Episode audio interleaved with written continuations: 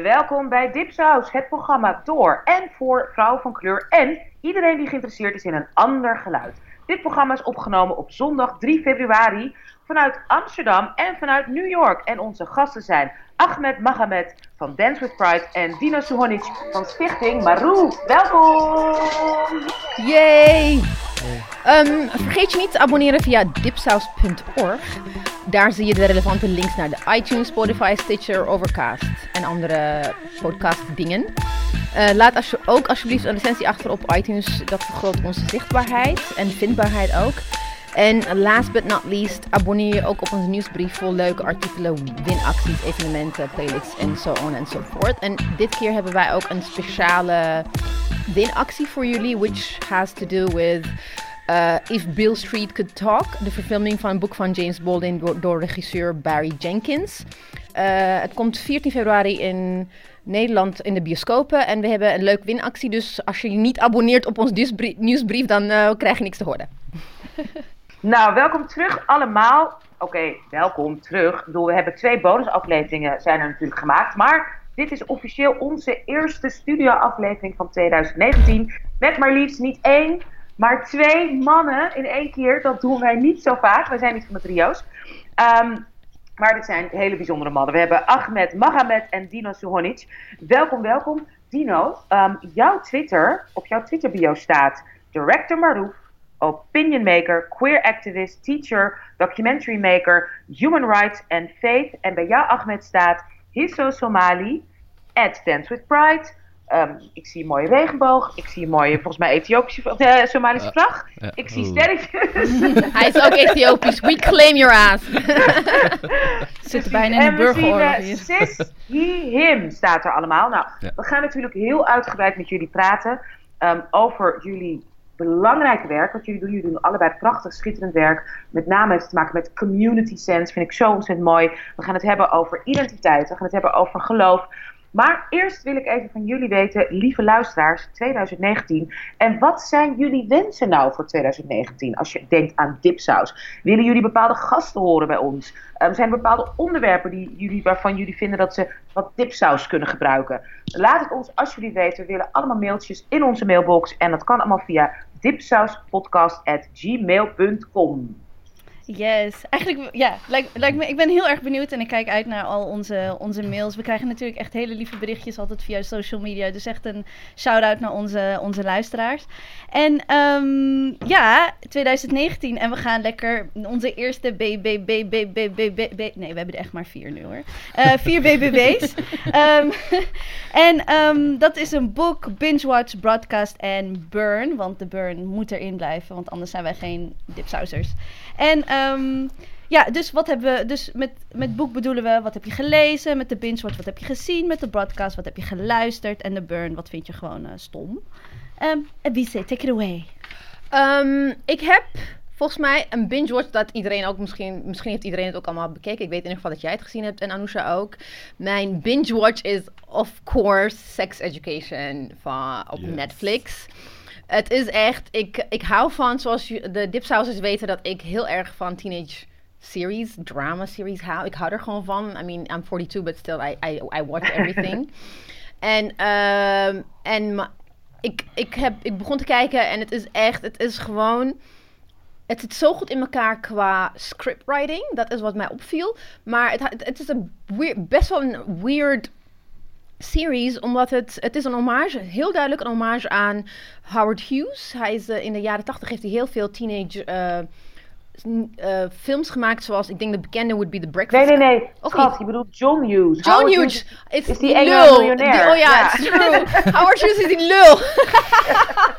John Hughes. John ja. Hughes van. The Breakfast Club, Pretty in Pink, onder andere. Waar, waarin vooral, daar zie je vooral klasseongelijkheid en genderongelijkheid in terms of man-vrouw. Uh, kleur komt er gewoon niet in voor, because it's just like one huge white people party. Maar ja, it was, it was uh, for, for the times that, that those films came out, het was echt wel baanbrekend, want taboe dingen werden ook gewoon besproken. Maar het is echt een duidelijke hommage eraan. Dat zie je aan de manier waarop de, uh, de, hoe heet het, het decor en de setting en, de film, how to say, cinematography. Maar het bizarre aan sex education is, it doesn't take place in some small town America. It takes place in some small town UK. Het is in Engeland. Het zijn Britse acteurs met Britse ac- accenten. Maar hun, de kleding die ze gebruiken en de setting, ook de school, the whole high school experience is not your typical British high school experience, maar your typical American high school experience. Want ze dragen van die jassen, van, van die jogs. Dat heb je niet in Engeland. In Engeland, you, you wear uniforms. In, Oh, in, ja. in high- you, you wear uniforms. En ook, die, they, they're playing American football. They're not playing rugby. Dat zijn kleine dingen. En they have lockers, like typisch Amerikaanse high school lockers. En dat is iets dat voornamelijk Britse kijkers is opgevallen. Terwijl Amerikaanse kijkers dat gewoon niet oppikken. En ik was het ook niet opgevallen ja, eigenlijk. but I went digging because it was weird. Because it, it reminded me of. Uh, ik, ik weet niet of jullie Happy Days kennen, die series. Ja. De jaren 50, 60 years with, uh, what's his name? Richie en Oh ja. Fonzie. Fonz. Ja, Fonzie qua zelfs kleur, hoe dat gefilmd was. It reminded me of Happy Days, but then a British modern version met iPhones en dat soort dingen. Hey, en apps, Ja, is het ook echt in Engeland gefilmd? Want ik Ja. dat Engeland, zo mooi was. ja, ja, nee, het is echt gewoon in. Volgens mij is het in. Dat moet ik nog Wales. even, maar het is in. Waar? In Want het is Wales. zo mooi. Het is in Wales Waar? gefilmd. In Wales, ja. Ja. Prachtig. Het is echt gewoon, het is heel bizar. Dat is, dat is wat ik, maar het, ik heb dus, the first thing I did was like go digging, of course. En het schijnt dat Netflix het opzettelijk heeft gedaan, wetend dat eh, Amerikaanse kijkers het niet zo snel door zullen hebben. Because they're used to having British accent in, in movies. Bijvoorbeeld Downton Abbey. They're used to consuming British, uh, British film or British actors working in Hollywood. Whereas de Britse, die zijn best zoiets van, wat, hoezo, waarom, what, this is not the U- typical UK. ex- Maar het is, opzet, het is gewoon, en it works kennelijk, want volgens mij is het een heel erg ehm, succesvol. Maar anyway, back to the, to the series. Wat ik echt super lief vond was hoe, het, hoe eh, Otis is gewoon echt, ik weet niet wat het Nederlandse woord is, endearing. Hij ik vond dat dus echt enorm meevallen. ik, vond, ik, vond, ik vond ze heel schattig allemaal. Oh, ja, Ik nee, ik, vond het, ik heb me op het, en na een tijdje heb ik me wel zitten ergeren aan bepaalde dingen. En vooral aan Otis en zeg maar zijn privilege daarin en hoe, hoe die dan ja, omgaat zo met... selfish, hè? Dat was zo Ja, ja, ja, ik vond hem eigenlijk, ja, en ook, ik, ik vond het ook niet zo heel erg scherp. Ik, je kan heel erg zien hoe ze probeerden het een beetje woke te maken en een Nou, beetje, zeg ja, maar... klopt. Ze probeerde dat heel erg, maar ik haakte eigenlijk af toen, toen, toen, en dat is geen spoiler, toen seks werd uitgelegd als, well, sex is when a man has sex with a woman. Dat ik dacht van, ja, eh, nee. En toen moest ik echt een week lang niet kijken, want ik ergde me. En toen later Nou, pas ik- ging ik weer terugkijken. Ik vond twee dingen heel problematisch. Ik vond de vriendschap tussen Otis en zijn beste vriend, vond ik echt, Eric. vond ik heel, vond ik Eric, vond ik heel, ik weet niet, hebben jullie het gezien, Tino? Ik heb, ik heb hem niet Ach. gezien, helemaal, Ach. maar ik heb stukjes gezien. ja. Ik heb hem niet gezien, want ik Oh. zag dat het eh it centers a white character en dat wilde ik gewoon niet. Ja, ja dat is Ja. Dat, ook in die vriendschap, terwijl dat Ja. is zo'n interessant personage, Eric. Die verdient, vind ik, gewoon een eigen serie. Die is eh, black en queer en ook heel erg out there in zijn fashion, prachtige kleding. Hm. En Otis gaat zo koud en harteloos en selfish met hem om. Dat ik echt denk van ja, dat moet, vind ik, besproken worden. Dat, dat kan niet. Dat kan niet zomaar zo zijn van, oh nou ja, zo ben ik nou eenmaal en oeps, sorry. En wat ik ook heel pijnlijk vond, en ik ben heel benieuwd wat jij daar ook van vond, Ebice, is op een gegeven moment, ja, het is een beetje een spoiler alert. Dus voor mensen die dit absoluut graag willen zien, is het misschien even. Maar er is, nou laat ik het proberen een beetje cryptisch te omschrijven. Er is op een gegeven moment een, een, een, een liefde tussen twee jongens. Alleen die begint, vind ik, heel erg vanuit een soort cliché geweld. met één die bang is voor zijn eigen gevoelens en daardoor heel agressief is tegen de andere jongen. En dan vanuit een soort bijna vechtscène gebeurt, wordt het dan zeg maar romantisch. En ik moet eerlijk zeggen, ik vond dat heel, heel, heel heftig, heel pijnlijk en heel naar. Dat ik denk van ja, als je daar als jong iemand naar kijkt, dan zie je voor, volgens mij voor de zoveelste keer weer dat jouw manier van liefde, dat het zeg maar bijna quote-unquote normaal is als er geweld bij komt. Of als er haat of een soort weerstand. Dat, dat, zeg maar, dat je dat maar moet accepteren. Maar ach, zo bedoelt hij dat niet. En, dat, dat, en dat, ik vind ook dat dat veel meer geadresseerd had mogen worden in een serie, vind ik, die Sex Education heet.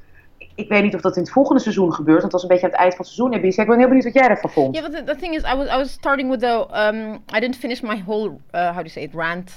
Tenminste, niet rant over daarover, maar ik, ik, ik, ik, ik kon ervan genieten, maar ik was er wel, net zoals met watching Game of Thrones, ik was er me wel wel bewust van wat er allemaal mis was met de series. Het is niet dat ik het een perfecte serie vind.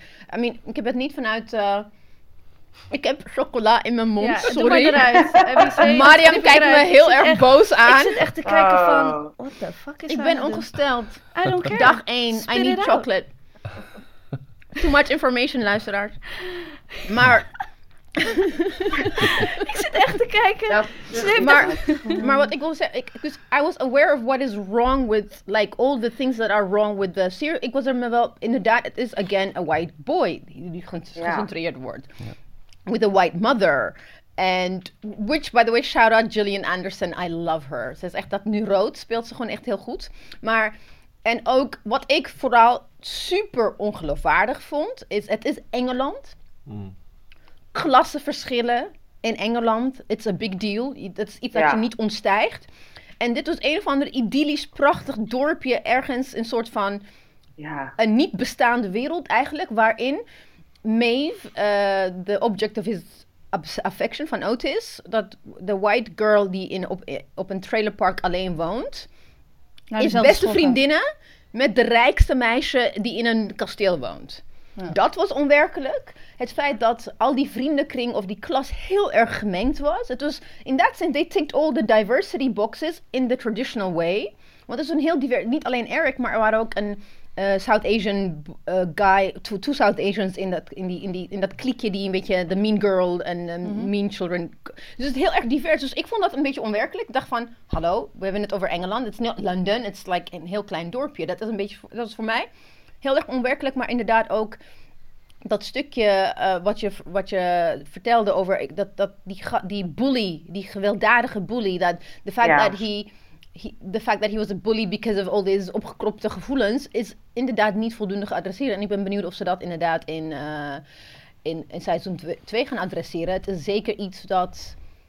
Maar aan de andere kant had ik ook zoiets van, maar het is how, dat is how eh, de werkelijkheid in a way is. Ja, maar dat, Nou ja, ik ben er benieuwd naar, want eh, eh, Dino Ahmed, is dit iets wat ik, ik bijna in zoveel films die ik ken of die ik heb gezien, wordt, is, lijkt het bijna een soort van, hè, wordt het bijna een soort van glamorized. Van ach, zo'n boze Ja, hetero ja. die eigenlijk Ja. bang is voor zijn eigen gevoelens. Ja. Maar is dat inderdaad als je opgroeit, of eh, hè, in, in jullie leven, want jullie zijn allebei eh, eh, queer, is, is dat ook zo? Is dat ook echt iets van, oh ja, dat is helemaal normaal in onze community, dat maken we allemaal mee. Vind, ik bedoel, hoe, Ja, ik- hoe is dat? Ja, ik denk dat dat... Dit is Ahmed Dus, speaking. ja, Ahmed trouwens, ja. ja. Niet Ahmed, Ahmed.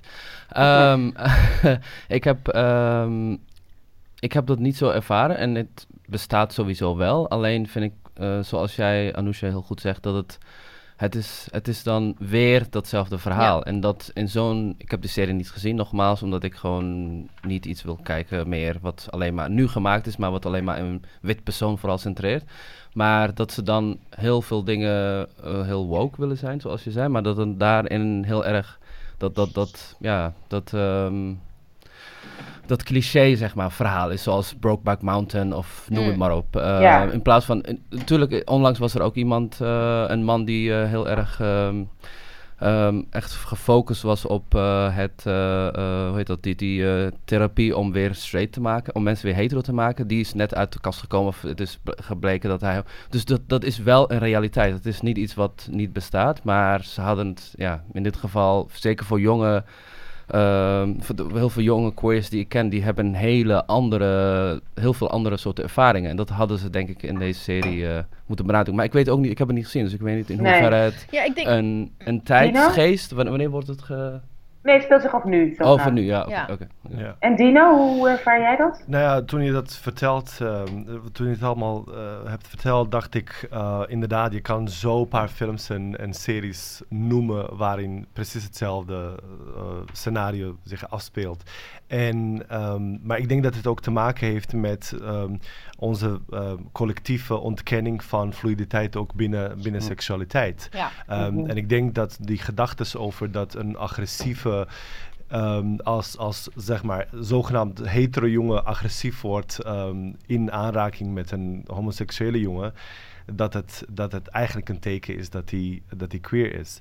Ehm, en dat is, dat is denk ik een problematisch standpunt ook, omdat het niet weerspiegelt dat seksualiteit. Misschien hebben die twee jongens iets voor elkaar gevoeld, maar En is dat bij die ene keer gebleven? Hè? De seksualiteit of seksuele daden definiëren niet je seksuele identiteit, als dat überhaupt bestaat. Maar onze obsessie met ehm, met linken van die twee is, is resulteert inderdaad in, in die hele rare constructies dat uh, als, je, als je een beetje je voor jezelf schaamt, dan word je heel agressief. Of, uh, of grootste homofoben zijn latente homo's ja. zelf, et cetera. Dat soort... Uh, Clichés, ja, absoluut. en ik denk, ik heb ook het idee dat, dit is rijk, Netflix heeft natuurlijk heel veel data, ze verzamelen zoveel data op basis van al die films die zij zelf hebben gemaakt en gestreamd hebben. Um, wat, wat niet bekendgemaakt wordt. En hetzelfde geldt voor de Dear White People series, al twee seizoenen. En je hebt ook de She's Gotta Have It series, ook Netflix. Waarin dat wokeness, wat heel erg dat, dat woke uh, zeitgeist, wat nu heel erg op Twitter, vooral op social media, niet alleen Twitter, social media. Writers lurk on social media om dat woke taal toe te eigenen en onderdeel te maken van alle nieuwe series die uh, gemaakt worden met het oog op divers publiek. Daar ben ik me heel erg van bewust. En dit, is, dit valt ook in die categorie. Ja, en maar ik, nogmaals, tenminste, ik weet niet hoe. Het kan zijn dat jongeren het wel zo ervaren, maar ik, ik, ik ben er me van bewust. Ik zie het niet als een woke series. Ja, precies. Ik, nou, ja, ik consumeer het echt zoals het is. It's entertaining. Het zou cool zijn. Ik zie ook heel veel mensen in mijn, in mijn vriendenlijst of in vriendenkring die, die super blij zijn met die serie. Die zeggen van, hé, hey, eindelijk kunnen sommige mensen hier naar kijken en iets van leren. Vind ik top. Um, um, maar ook blijven uh, bekritiseren natuurlijk. Ja. Maar je zit in die, in die um, patronen van wat Netflix doet en inderdaad die schrijvers, dat wokeness eigenlijk onderdeel wordt van artificial intelligence. En, en het blijft het ook zo. Ja. Het blijft artificial, want dat, dat straalt het ook uit. Dat is zo kunstmatig mm -hmm. uh, dat je op een gegeven moment er doorheen prikt, want uh, de reality klopt gewoon niet. Hè? Je kan het allemaal elementen erin zetten, maar de hele setting klopt gewoon niet. En, dan, nee, dan en, wat, en wat interessant is, wie zijn de showrunners, wie zijn de schrijvers? Precies. Ik heb een, uh, een Nederlandse uh, vriend van mij die, die, die, die queer is. En die heeft geprobeerd heel lang om in Nederland een, een echt vanuit zijn perspectief een serie te verkopen over uh, een gezonde, of ja, gezond, weet je, je snapt wat ik bedoel, over gewoon een langdurige homoseksuele relatie. En hij had de, alleen maar vergaderingen met straight, cis, hetero mannen die dus hem gingen vertellen: ja, nee, maar dit uh, kan niet. Of ja, maar dit moet toch wel anders. Gewoon elke vergadering weer realiseerde hij zich: ik beslis dus kennelijk niet zelf als, als, als queer over hoe onze relaties zijn. Dus dat gevecht en de hele tijd maar water bij de wijn moeten doen, compromissen. Dat hij inderdaad zegt: van, nou, dan doe ik het niet. Dan ga, ik ga niet iets maken wat inderdaad weer een soort uitgeholde versie is van de realiteit. Ja. Terwijl ze wilden wel iets daarmee doen. We moeten iets doen daarmee, want dat hebben we nog niet. Ja, dan, dat is ja. nou, ik wilde je dan vragen hoe jij ervaarde bijvoorbeeld hoe de relatie van Eric with his father, with his Ghanaian. Uh, he, het is, hij komt uit een Ghanaian gelovig, zwaar christelijk Ghanaian family. Uh, hij heeft vier of vijf zussen en he's the only, uh, he's queer, the best friend, yeah. the black uh, best friend hoe heb je de relatie, hoe ze dat de relatie tussen Eric en zijn vader hebben opgevangen? Dat vond ik wel echt mooi gedaan. Ja, ik denk dat, dat ze, ik... they, they, they really did, because ik, had, ik dacht van, ze gaan voor de cliché heavy christelijk Ghanese vader, dus die gaat hem in elkaar slaan. Dat, dat verwachtte ik. Dat was mijn eigen verwachting. Van ze gaan voor de cliché van ontzettend christelijk dat die dan die niet willen accepteren dat, dat je zoon queer is. Hij wist, ja. ze hebben nooit met elkaar erover gesproken, maar je voelt.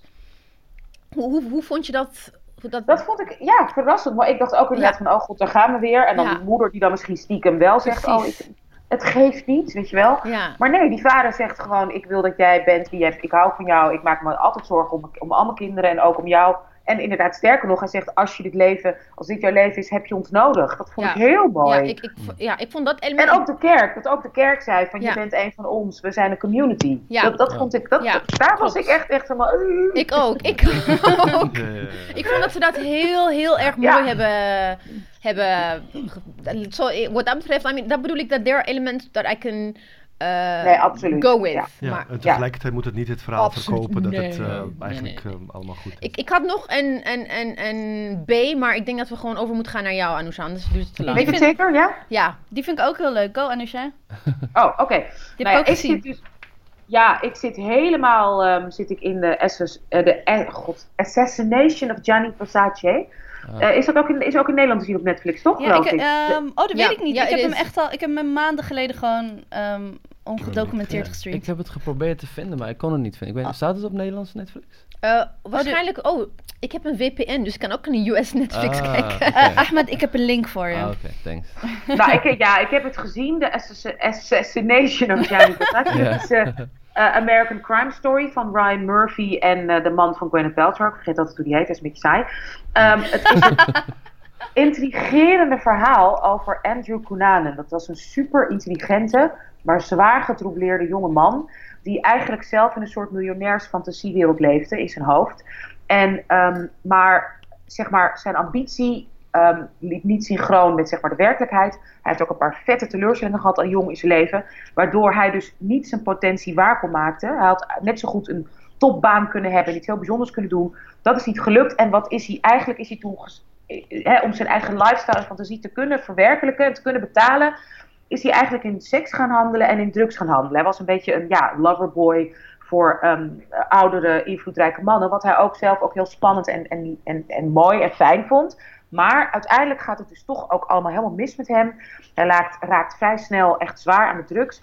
En hij heeft dus in, eh, in een tijd van twee maanden vijf mannen vermoord, waaronder zijn eigen grote liefde en dus ook Gianni Versace. En toen dit zich dus afspeelde in de Verenigde Staten in 1997, studeerde ik theater in New York. En nou, al mijn vrienden en van natuurlijk mijn eh, eh, LHBTQI-vrienden. En nou, we hadden het er allemaal ontzettend over. Het was echt een soort mega case, want dat was echt een soort manhunt. En ze hebben echt een maand eh, erover gedaan om te moeten vinden. Dus er waren allemaal theorieën, weet je. Hij was ehm seropositief en was helemaal was doorgedraaid. Of hij, hij was misbruikt door zijn vader, want zijn vader die hemelde hem helemaal op. Ehm, hij schaamde zich voor zijn geaardheid. Wat was er allemaal aan de hand? En ja, dat is, het was, in diezelfde tijd speelde eigenlijk ook een beetje Monica Lewinsky. En in Mhm. diezelfde tijd speelde ook in New York Abner Louima, een, een, een zwarte taxichauffeur die op een verschrikkelijke manier is verkracht en elkaar geslagen door de politie in New York. Voor het eerst dat zo'n zaak echt bekend werd, omdat er opnames waren vanuit een eh, verborgen kamer of zoiets. Voor het eerst dat je dus ook zag in beeld van, wacht even, dit gebeurt dus echt. Dus nou ja, die zaak, hè, dat, dus- dat was zo'n heftige tijd. Dus ik, ik wist niet meer precies wat er, hoe dat nou allemaal was afgelopen. Ik weet dat hij op een gegeven moment dat, dat hij is opgepakt of precies iets, in ieder geval iets gebeurt. Dus voor mij heel interessant om nu 20 jaar na dato ehm, deze echt schitterend gefilmde, gemaakte mooie serie van dus Ryan Murphy. Ja, dit is ook de maker inderdaad van American Horror Story, van de hè, bekende serie Glee. En ehm, nou ja, ik ben net als, eh eh net als eh Ebise sowieso een beetje eh, de- een nerd die meteen alles gaat uitzoeken. En nu doe ik ook researchwerk voor een eh, productiemaatschappij. Dus ik ben er helemaal ingestapt. Ik ben alle oude artikelen aan het lezen. Ik ben eh podcasts aan het luisteren over de serie en ook over het maken van de serie. Die heet Still Watching van Vanity Fair, een aanrader. Over dit eigenlijk schrijnende, zo verdrietige, heftige, schokkende verhaal. Dus het is zowel hè, een B qua binge, qua kijken, maar ook qua broadcast. Want het is heel interessant om die podcast te luisteren. Still Watching. En ook interessant, een geweldig boek van Maureen Orth, de journalist van ehm, Vanity Fair. Maar ook zijn broers en zussen hebben ook een boek geschreven. Ook een beetje over hun jeugd met hun eigen moeilijke, getroubleerde vader. Dus dat, zijn mijn, eh, dat is mijn aanrader. Oh, wauw. Wow. Ja, en, en, en- en ook heel belangrijk, Ricky Martin speelt erin en je ziet zijn Oh billen. ja. Oh, ik wilde even zeggen, oké. het, is- het is gewoon, Ja. Hallo. het is gewoon op eh, Nederlands Netflix te vinden. Ja, I just found it. Oké. Nee, ik, eh, ik, heb het ook, ik heb het ook een aantal. Ik, volgens mij heb ik hem een tijdje geleden gezien, omdat er een podcast was. Oh, dat was eh, die, die, die jij me hebt eh, aangeraden, Anousha. Awards Chatter. En daar was, eh, daar was Ricky Martin, zat daar ook Ja, in, over leuk eh. Gianni Versace. En toen eh, was ik echt meteen nieuwsgierig. Dus ik had, het Awards Chatter had ik gepauzeerd, want ik was heel bang voor spoilers. En eh, nee, heel mooi. Maar ik wist dus helemaal, ik, ik wist helemaal niks. Nee, de story niet. Oh. ik ken de ja. hele story niet. You're dus a ik zat- baby. dus ik zat echt zo van, gaan ze Andrew pakken? Gaan ze Andrew pakken? Ja. ik, ik had er geen idee. Ik dacht zo van, hij komt ermee weg of niet. Dus ik had echt, I didn't know. Maar voordat En we die naar... hoofdrolspeler, hoe geweldig. Wauw. Eh, wauw. Chris, hoe heet hij nou? Chris, eh, Oh, dat nou, weet ik die- niet. Jeetje, Hij wat is heel goed. Hij is echt heel goed. Zo fantastisch. Prachtig, prachtig. Ik heb een hele korte B, maar hebben onze gasten iets meegenomen? Eh, ja. You did, Ahmed. Ehm, nou ja, ik, ik ehm, dacht eerst wel aan, aan eh, hoe zeg dat, aan burn, maar ik heb dit jaar besloten eigenlijk om mijn energie niet echt heel veel te steken in eh, white leftists die heel erg doen alsof ze hun best doen en alsof ze dingen willen veranderen, maar tegelijkertijd just upholding white supremacy en binnen een organisatie gewoon wit is. Alles is gewoon, ja, en, maar dan tegelijkertijd zich voordoen alsof ze heel erg ja, woke zijn en noem het maar op. En dat er heel veel mensen daarin trappen. Zeg maar een beetje waar, het, eh, waar de correspondent eh, ster in is. Uh, maar goed, maar ik wilde daar gewoon niet te veel energie in. Dus ik wilde in plaats daarvan, ik heb een andere B erbij. Als het, uh, Graag. Big, big, Oh, uh, big ups. Dus dat is dan eh, een soort van shout-out, maar dan met een B. we hebben een B erbij! Ja, gewoon, sorry, die gaat er gewoon in. De B, B, B, B, B. ja. Dus ik heb, eh, ik, ik, in plaats daarvan wilde ik gewoon energie steken. Want ik heb altijd in januari al te veel energie gestoken. In Ja. dat soort, eh, in de underground music scene vooral, is er heel veel mis. En ja, dus ik wilde eh, een aantal big ups. Dus om te beginnen, eh Diri, Diri, eh, ehm, Diri Omar. Dat is een eh, Somalische eh, eh, queer man die eh, super visible was. En heel lange tijd de enige was die heel erg visible was. En die heel lang, ehm, hij, is, hij is een schrijver, hij is, ehm, ik denk dat zijn pronouns hij en hem zijn, maar dat weet ik niet 100% zeker. So, apologies als dat niet zo is. En, ehm, en daarnaast, hij is, hij is poet, een short story writer en ander, en doet heel veel mee dingen.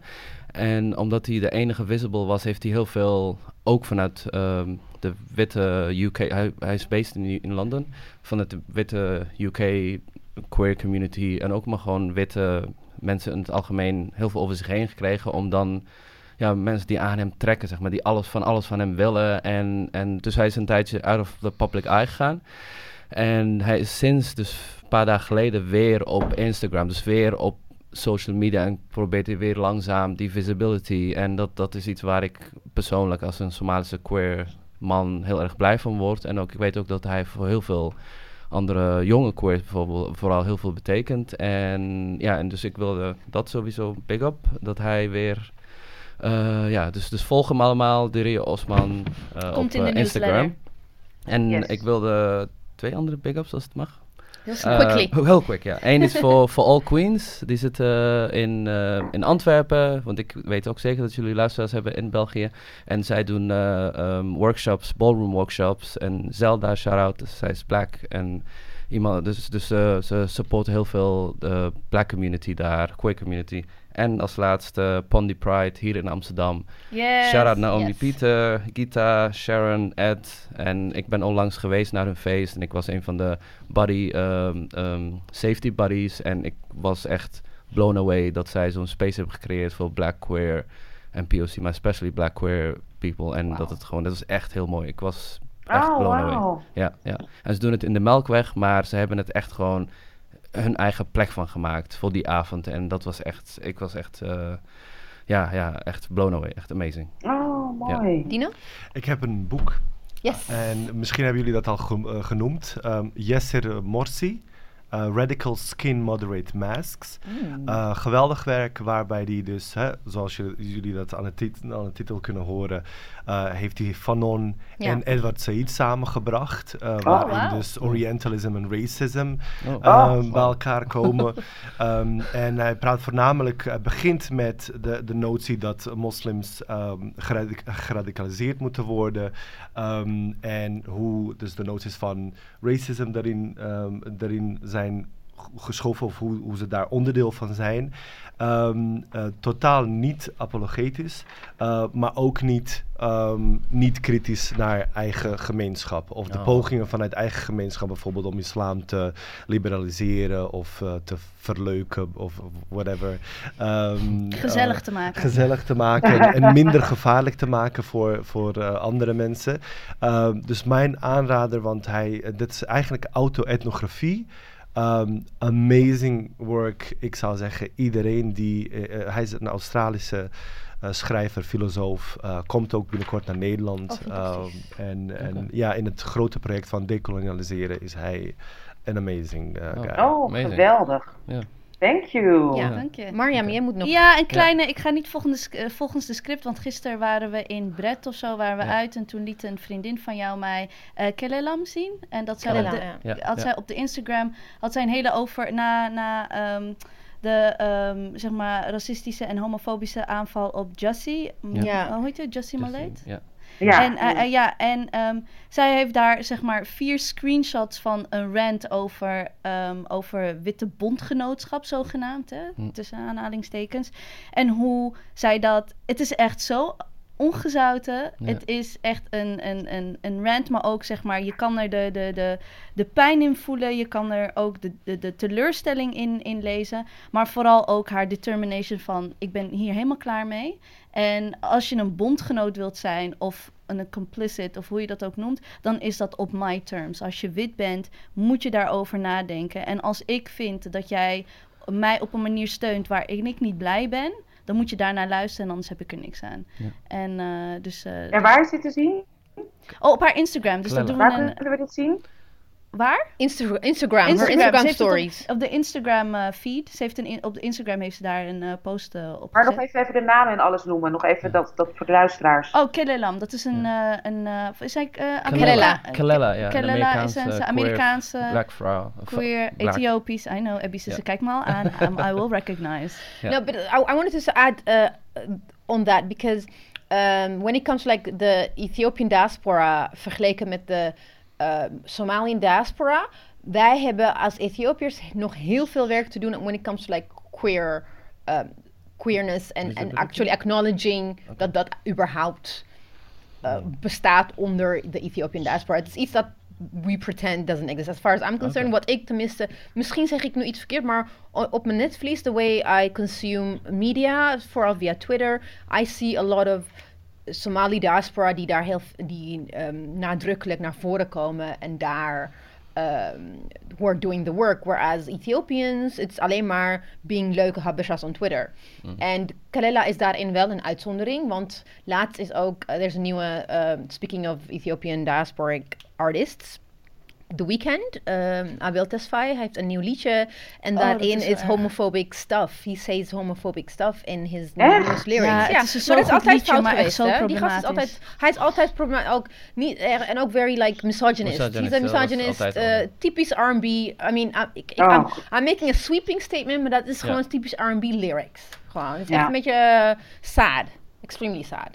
Ja, Ja. wel van dat jongere R&B die dan heel erg over, ehm, ja, het is zichzelf, dus die, zijn, die ze zijn dan heel erg soort van eh, troubled, dat is hoe zij zich voelen, maar dan echt super misogynistic en, en daar is hij wel, ja, daar is hij wel Ja, echt bij- Belt. en, dat doet, Ja. en dat doet Drake ook. En dat Ja. doet Ja. The- The Weeknd. Zij doen een soort van laagje van... Ja, maar ik ben eenzaam en Ja. ik heb, eh, ik heb Ja. issues Ja. en ik heb Ja. trust En daarom- issues. Ja, ja. En daarom dus ja. ABC Eh, en ben Ja. jij maar gewoon Ja. zomaar. En, maar Ja, ik heb dat ja. liedje... Ik, ik, toen ik dat liedje ehm, zag en dacht ik... Oh, leuk. Dan begint het al echt zo van...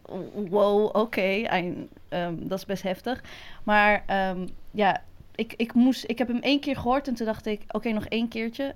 Nee, nee, nee. Eigenlijk, ik, ik ben nu wel op zo'n zo'n punt van ik kan Hmm. het niet meer luisteren. Ja, en ook en- Drake ook niet echt meer. En om de reden die jij zegt, eh, zijn ze ook heel appealing. Dat, dat ze dan zich gevoelig, ze, ze, ze laten zien dat ze gevoelig zijn, maar ondertussen zijn ze echt zo Ja. horrible in de Ja. lyrics naar vrouwen. En dat wordt dan soort van overheen gekeken. Ja, maar ze laten, in- tenminste is het geen Joe die dan alleen maar heeft over hoe, weet je wel, van vroeger dan van, oh, I wanna love you, dit. Maar zij laten hun gevoelens zien, maar tegelijkertijd zijn ze wel zo misogynistic Ja. en dat wordt niet echt. Vreselijk. En, Ja. en daar heb ik het wel met mijn dochters over. Want inderdaad, in die clip zitten, ik weet niet hoeveel vrouwen. Ja. En één keer was ook zelfs een van die, ik weet niet wie het nou was, die uh, vroeger zou ik aan hem in een soort interview van, maar hoe kom je nou aan al die vrouwen dan die dat dan doen in je clip? Zei hij, oh, oh, Pharrell, notabene, waarvan je nog denkt van, oh, die is best wel oké. Mhm. Mm. Zei Pharrell, oh, wil je zien hoe ik aan vrouw kom van mijn clip? Nou, kom maar mee. Gaat in zijn auto rijden. Zegt, Ja. wie wil er in mijn clip? En ik, ik, ik. En voordat je het weet, eh, Ja. eh, oh ja, en jullie moeten naakt. Ja, prima. En Hm. voordat je het weet, we, hè, zo ongeveer, ik chargeer een beetje, Hm. heeft hij gewoon 30 vrouwen opgepikt die graag gratis naakt in zijn clip willen. Ja. Dus dat is, het is zo belangrijk om dat dus ook, vind ik, te bespreken met zowel jongens, dat bespreek ik en met mijn zoon en met mijn dochter, over die verschrikkelijke anti-vrouwelijke misogynoire, dat, dat, dat misogynoire racisme, Hm. eh, waarin het zo normaal is dat vrouwen bij hebben dat zo geïnternaliseerd ook, dat je dus ook moet uitleggen van, ja, zij denken dat ze dat willen. Ze Ja. denken dat dit een soort vrijheid is en een eigen keuze is. Ja. Maar ja, laten we die uien spellen. Is dat zo? ja. Constant gesprek. Het is gewoon mijn dagelijks gesprek. Ja. Ja. Hey, voordat we naar de burn gaan, wil ik wel dat je even iets meer vertelt over wat je net zei, uh, Anousha, over je nieuwe werk. Because it's very exciting. Ja, een big nee, up. Ja. Het is, oh, big up. Ja, dankjewel. Nee, um, het, het, het, is heel tof. Ik, ik woon dus in New York nu en ik ben meegegaan eigenlijk gewoon met, met, met mijn lieve, lieve man. Uh, die heeft een super geweldige baan hier en ik mag niet werken, want ik heb een, geen werkvergunning. Ik mag hier wel zijn, dus ik, heb wel, ik ben wel legaal, lieve mensen. Maar uh, dat heeft een... Trump. Hij is, In Trump's America. Hij is B1, dus dan mag je yeah, werken. En ik ben B2, dus ik mag er wel zijn, maar ik mag niet werken. Dus ik zat te denken, ja, wat kan ik nou doen met mijn tijd qua vrijwilligerswerk of iets, iets, iets moois of iets nuttigs doen voor de community? Nou, dat is niet makkelijk, want zelfs met een B2 mag je niet overal vrijwilligerswerk doen ook. Ik had allemaal geweldige instanties waar ik terecht kon om vrouwen te helpen. Met name hè, natuurlijk vrouwen van kleur, wat natuurlijk voor mij een belangrijk punt is. Kwetsbare, arme vrouwen van kleur. Nou, het is niet, moeilijk om tussen te niet makkelijk om tussen te komen zonder uh, werkvergunning. Maar ik heb nu wel, mag ik als uh, zeg maar stagiair onbetaald uh, steun ik een, ik ga niet te veel namen noemen, hè, het nee, hoeft niet. zijn. Maar een productiemaatschappij van een black queer maker. Oh. En ja, dat vind ik echt geweldig. Ik werkte als researcher, als ontwikkelaar. ik ondersteun, ik zet ook koffie en ik maak ook Oh. een broodje. Maar ik mag ook meedenken hè, aan, over ideeën, over, over, over onderwerpen. En ben dus uh, ja, heel erg gelukkig daar in een heel leuk kantoor met allemaal hele leuke mensen en jonge mensen en, en, en Oh, mensen oh, van oh. leeftijd. A working girl in New York, hoe tof is dat? Ja, Ja. ja, ehm, ik zou je daar wel e-mail op willen sturen. Ik ben wel benieuwd naar of er überhaupt iets met Dance with Pride eventueel, wat, ze- ja, wat ze daar doen en of er iets is wat... Zeker. eh, ja, ja, yes. Cool. Let's be Je hebt, Ja, ook, een, je hebt ja. ook een hele mooie foto van dat, dat ze onderweg is. Want wij dipsausen natuurlijk deed het op de app, hè. En dan stuurde ze een foto van ehm, dat je naar werk ging. En dat zeg maar een zee aan mensen die dan de metro en dan... Nope. Terug. Nou, ja, Ja. ja. het, het is echt door hoe druk, hoeveel, het is natuurlijk een gigantische stad. Dus als ik gewoon qua timingen niet helemaal plan met de metro, dan kan ik, kan ik gewoon drie metro's kan ik gewoon niet in. Zo vol zijn die metro's dan. En waar in New York woon je? Waar in New York Ik- wonen jullie? Eh, wij wonen, eh, ik woon op Roosevelt Island, een klein eilandje eh, ten oosten van Manhattan. Oké. Dus ik zit tussen Manhattan en Queens. Echt Oh, super gaaf. En kun je gewoon met de... me- Is er een eh, een metro die daar naartoe gaat? Of moet je met een boot of zo? Oh, oké. Cool. nee, er is een metro en een pont. Je kan ook een pontje nemen. En er is ook een heel leuk een tram, zo'n kabeltram, zo'n mosquito. Oh, wauw. Dat was Ja. leuk. En hebben ze daar ook asfalt? Of hebben jullie kamelen? En- Nee, paard en wagen, hè, hier. Paard. Nee, weet ik veel, de government was shut down, toch? Ja, oh ja, dat was toch, dat helemaal... ik vind het niet eens zo'n hele rare vraag. Derde Oh, ja, werelddland daar, toch? Ehm, ook, Het is oh, met- in heel veel opzichten is het echt. bedoel. Nederland is zo schoon en keurig geregeld. Hier is het echt. bedoel, Het doet me heel vaak denken gewoon aan eh, Sovjet-Unie, Rusland. De bureaucratie en eh, gewoon de, de, bedoel, hallo, in Rusland de metro's, dat zijn gewoon, dat zijn gewoon musea. Ik bedoel, echt Oh. serieus. Oké. Ja, het is prachtig. Schit, de metro's in Moskou Ja. eh, bestaat bijna niks moois. Dat is gewoon kunst, people. Prachtige beelden. Ik bedoel wel allemaal heel communistisch en de hel staat. Maar hé, hey, mooi, schoon, prachtig hier. Nou, dat is, ik bedoel, dat is, dat doet zo- het is echt gewoon smerig. smerig. Het is echt Ja. smerig. Ja, ik ben er nooit geweest. Net zoals in Parijs. Het stinkt gewoon in de zomer. Echt verschrikkelijk. Anyway, that's like being North-European snobs. Ehm, we hebben een...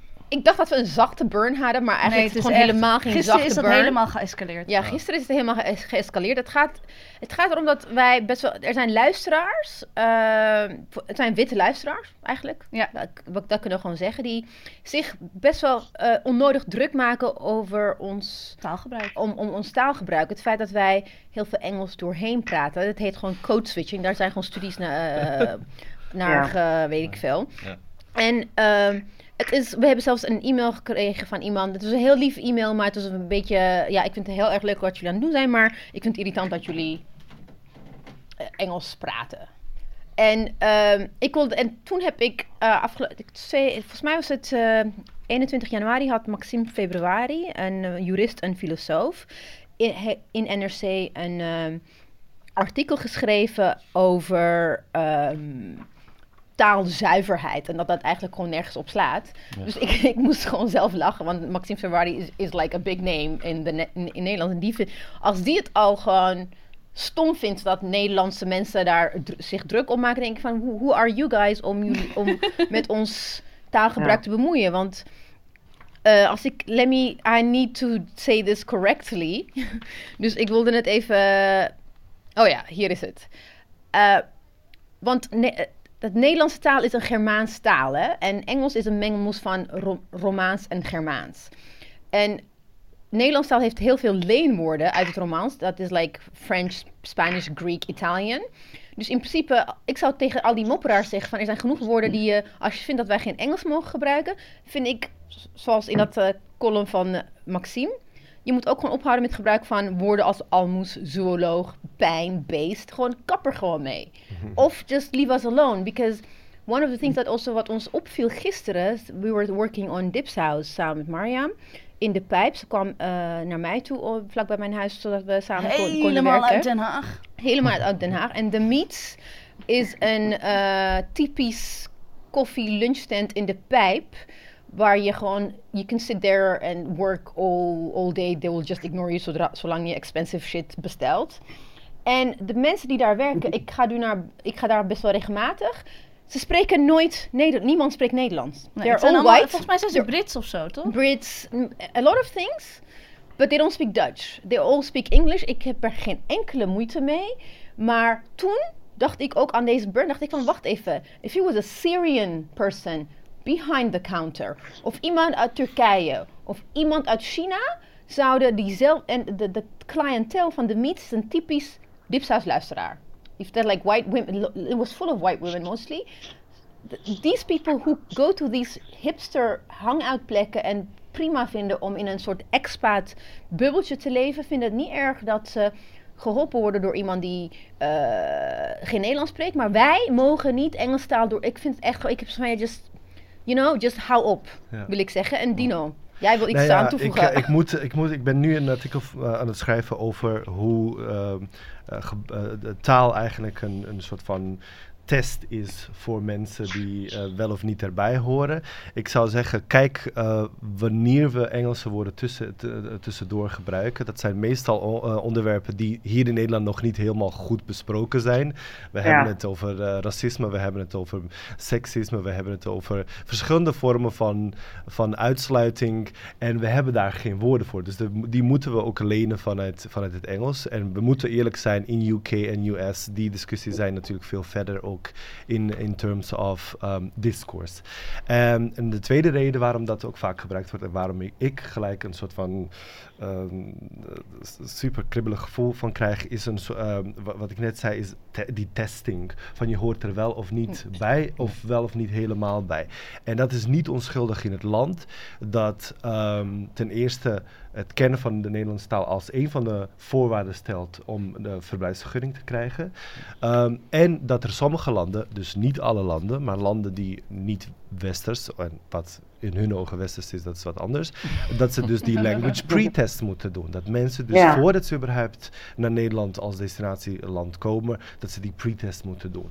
Dus die, die opmerkingen en ik, degene die en met accent praat en nog steeds fouten maakt, eh, krijg er nog extra kribbels van. Want je wordt er vaak op afgerekend. Ja. Eh, je gedachten worden gebagatelliseerd omdat je een taalfout maakt.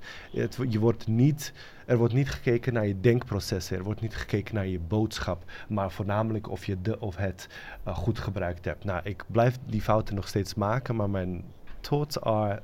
mm, Ja, ja.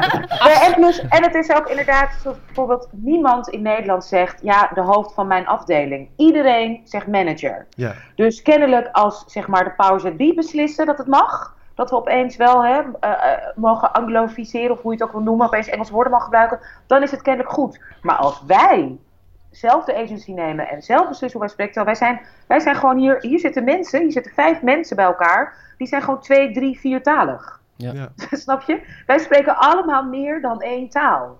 Dus ik bedoel, en eh, in plaats van dat dat wordt gezien als iets mega positiefs en iets waar je naar kan streven, en dat je dan ook nog eens creatief bent met die, met talen, Ja. dan mag het niet. Terwijl niemand in Nederland zegt, de hoofd van mijn afdeling, eh, die wil morgen een gesprek met mij. Dan zegt iedereen manager. Hmm. Dus ik vind dat ook, ik vind het zo ontzettend, zo dualistisch en, en, en, en, en Hypocriet. simplistisch ook. En hypocriet. En ook dat ik denk, waarom vind je, ik, hartstikke fijn dat iemand een mail stuurt. Waarom vind je überhaupt dat je daarover moet schrijven naar ons? Terwijl wij letterlijk zeggen waar wij voor staan, wie wij zijn, vrouw van kleur, voor en door. Hè, ander geluid, ander identiteit, ander perspectief. En dan vind je toch dat je dat nog even moet mailen. Snap ik niet. Ja, en ook. eh, en also de, de whole point, dat zei Mariam gisteren, de whole point of podcast, like, als je het niet leuk vindt, luister gewoon niet. Kap er mee, want dan ben je, dan ben je duidelijk niet ons doelgroep, dus val ons daar gewoon niet mee lastig. Capitalism people. cap- Ja, kijk, en dat is het hele. En ja, dat is juist zo handig aan podcasts. Wanneer je er zin in hebt, dan ga je luisteren. En als je denkt van, nou, dit vind ik eigenlijk helemaal niet leuk, zet je hem uit.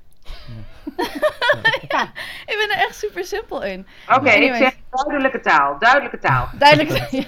Dit waren dus onze B, B, B, B en B's. Hey. Yeah, burn up, turn up. Ja, we gaan zoveel mogelijk links en, ehm, en de besproken onderwerpen, alles natuurlijk in onze show notes opnemen. En eh, abonneer je dus op onze nieuwsbrief, zodat je niks hiervan hoeft te missen. Nou, dus nogmaals welkom, lieve Ahmed Mahamed. Zeg ik het zo goed? Bijna. maar- Ahmed? oh, Ja, maar dat is iets wat ik de laatste tijd echt eh, zeg Ja. van, oké, maar het is Ahmed. Ahmed. Ja, dus, Ahmed. ja, dus niet Ahmed, maar Ahmed. Nee, Dat is een, Ahmed. ja, ja, Ahmed en? Ja, in het Arabisch heb je twee H's. Dus dan eh, moet je eigenlijk je, die andere H moet je even wat eh, scherper zetten.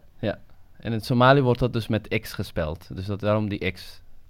Ehm, Ahmed. Dat was mijn ja. vraag die je nu al hebt Oh, geantwoord. oké. Want sommige mensen... Ja, ja, sorry. Jij bent van Dance with Pride en we hebben Dino Suhonic van Stichting Maroef. Ehm, wat wij eigenlijk altijd aan onze gasten vragen, en die vraag stel ik natuurlijk aan jullie allebei, is: oké, wie ben je, wat doe je en waar woont je huis? Wie wil beginnen? Begin maar. Dino. Oh, wie ben ik? Oh my god. Het is wel heel interessant. In verschillende settingen heb ik natuurlijk verschillende ra- rangordes van wie ik allemaal en wat ik allemaal ben. Maar ik denk voor, de- voor deze context is het eh, belangrijk dat ik eh, eh, van Stichting Maroef ben, hè, eh, queer Muslim organisatie in Nederland. Ehm, ik ben ehm, ook leraar geweest op een middelbare school. Ehm, en nu ben ik een freelancer slash eh, student, want ik heb studies weer opgepakt. Ik studeer eindelijk wat ik eigenlijk altijd wilde studeren, en dat is sociologie. En volgend jaar, als alles goed loopt, master gender, sexuality and society. Uh, en dit zeg ik expres omdat ik op mijn 34ste weer aan het studeren ben. En kijk om, eh, naar mensen om me heen. En ik denk, ehm, ja, ik moest. eh, ik had natuurlijk ongelooflijk grote privilege om überhaupt te studeren. Maar die weg was natuurlijk ongelooflijk eh, moeilijk. Ehm, dus ik ben weer blij dat ik het opgepakt heb en dat ik doe wat ik wil doen. Ehm, en ik probeer al mijn medestudenten die minimaal tien jaar jonger, jonger zijn dan ik, eh, te herinneren dat het gewoon heel fijn is als je de studie zelf kan kiezen. Want tegen mij is het altijd verteld, wat wil je studeren? Of gevraagd aan me. En toen zei ik filosofie en sociologie. Toen werd er altijd gezegd door mijn ouders, door mijn omgeving, maar waar ga je van eten? Ehm, dus in die zin, en ook naar Nederland komen op je negentiende en in Nederland willen studeren. En hè, de, de, de taalbarrière hebben, zeg maar, heeft ook beïnvloed dat ik een makkelijkere studie heb uitgekozen. Dat ik een, voor een beroep ging dat me wel een baan, eh, de kans op een baan zou bieden. Dus dat is wel, ik ben weer een trotse student, een bewuste student, zeg maar. Ja. Heerlijk. En, en waar woont je huis? In Amsterdam. In En Amsterdam. is je huis, is je huis een belangrijke plek voor jou? Is het, is het, ben, jij, ben jij een huismuis of ben juist iemand meer naar buiten gericht? Mijn huis is mijn alles, de, bijna. nee, maar dit is wel, het is wel een belangrijke, ik denk de b- belangrijkste plek waar ik ben. Eh, ik ben er graag en ik ben er ook vaak. Ehm, ehm, en, en dat is een plek, eh, eh, een hele, eh, als je binnenkomt en ik hoop dat, dat we gewoon misschien een keertje gewoon opnames ook daar kunnen doen. Gaan we doen. Maar als je daar in mijn huis binnenkomt, het is eh, totaal niet een groot huis. Maar een hele muur, zeg maar, is een boekenkast. Oh, I'm coming. Oh. En- Oh, dat heeft de daar-. Ja. Ja, en daar kan je in verdwalen. En daar, daar heb je dus. En, en het is een soort van meditatie om even langs te komen, een boek te pakken. Vandaag even, als je je depressief voelt, dan pak je Schopenhauer. Als je, als je wat inspiratie b- b- wil, dan dan pa- pak ik iemand anders. Maar ehm, het, is, het is wel een plek waar ik heel graag eh, ben. Eh, plek ook die, die me zegt dat het een soort van veilige haven voor me moet zijn. Eh, want mensen die ontheemd zijn, ehm, eh, mensen die hun land moesten verlaten, onvrijwillig eh, of minder vrijwillig, of zelfs in een bepaalde mate vrijwillig zijn, voor altijd eh, tot de rest van hun leven toch wel herinnerd aan het feit dat ze niet meer bij hun roots zitten. En, en ik probeer gewoon van mijn hu- huis toch wel een soort van ehm, connectie te maken met die roots.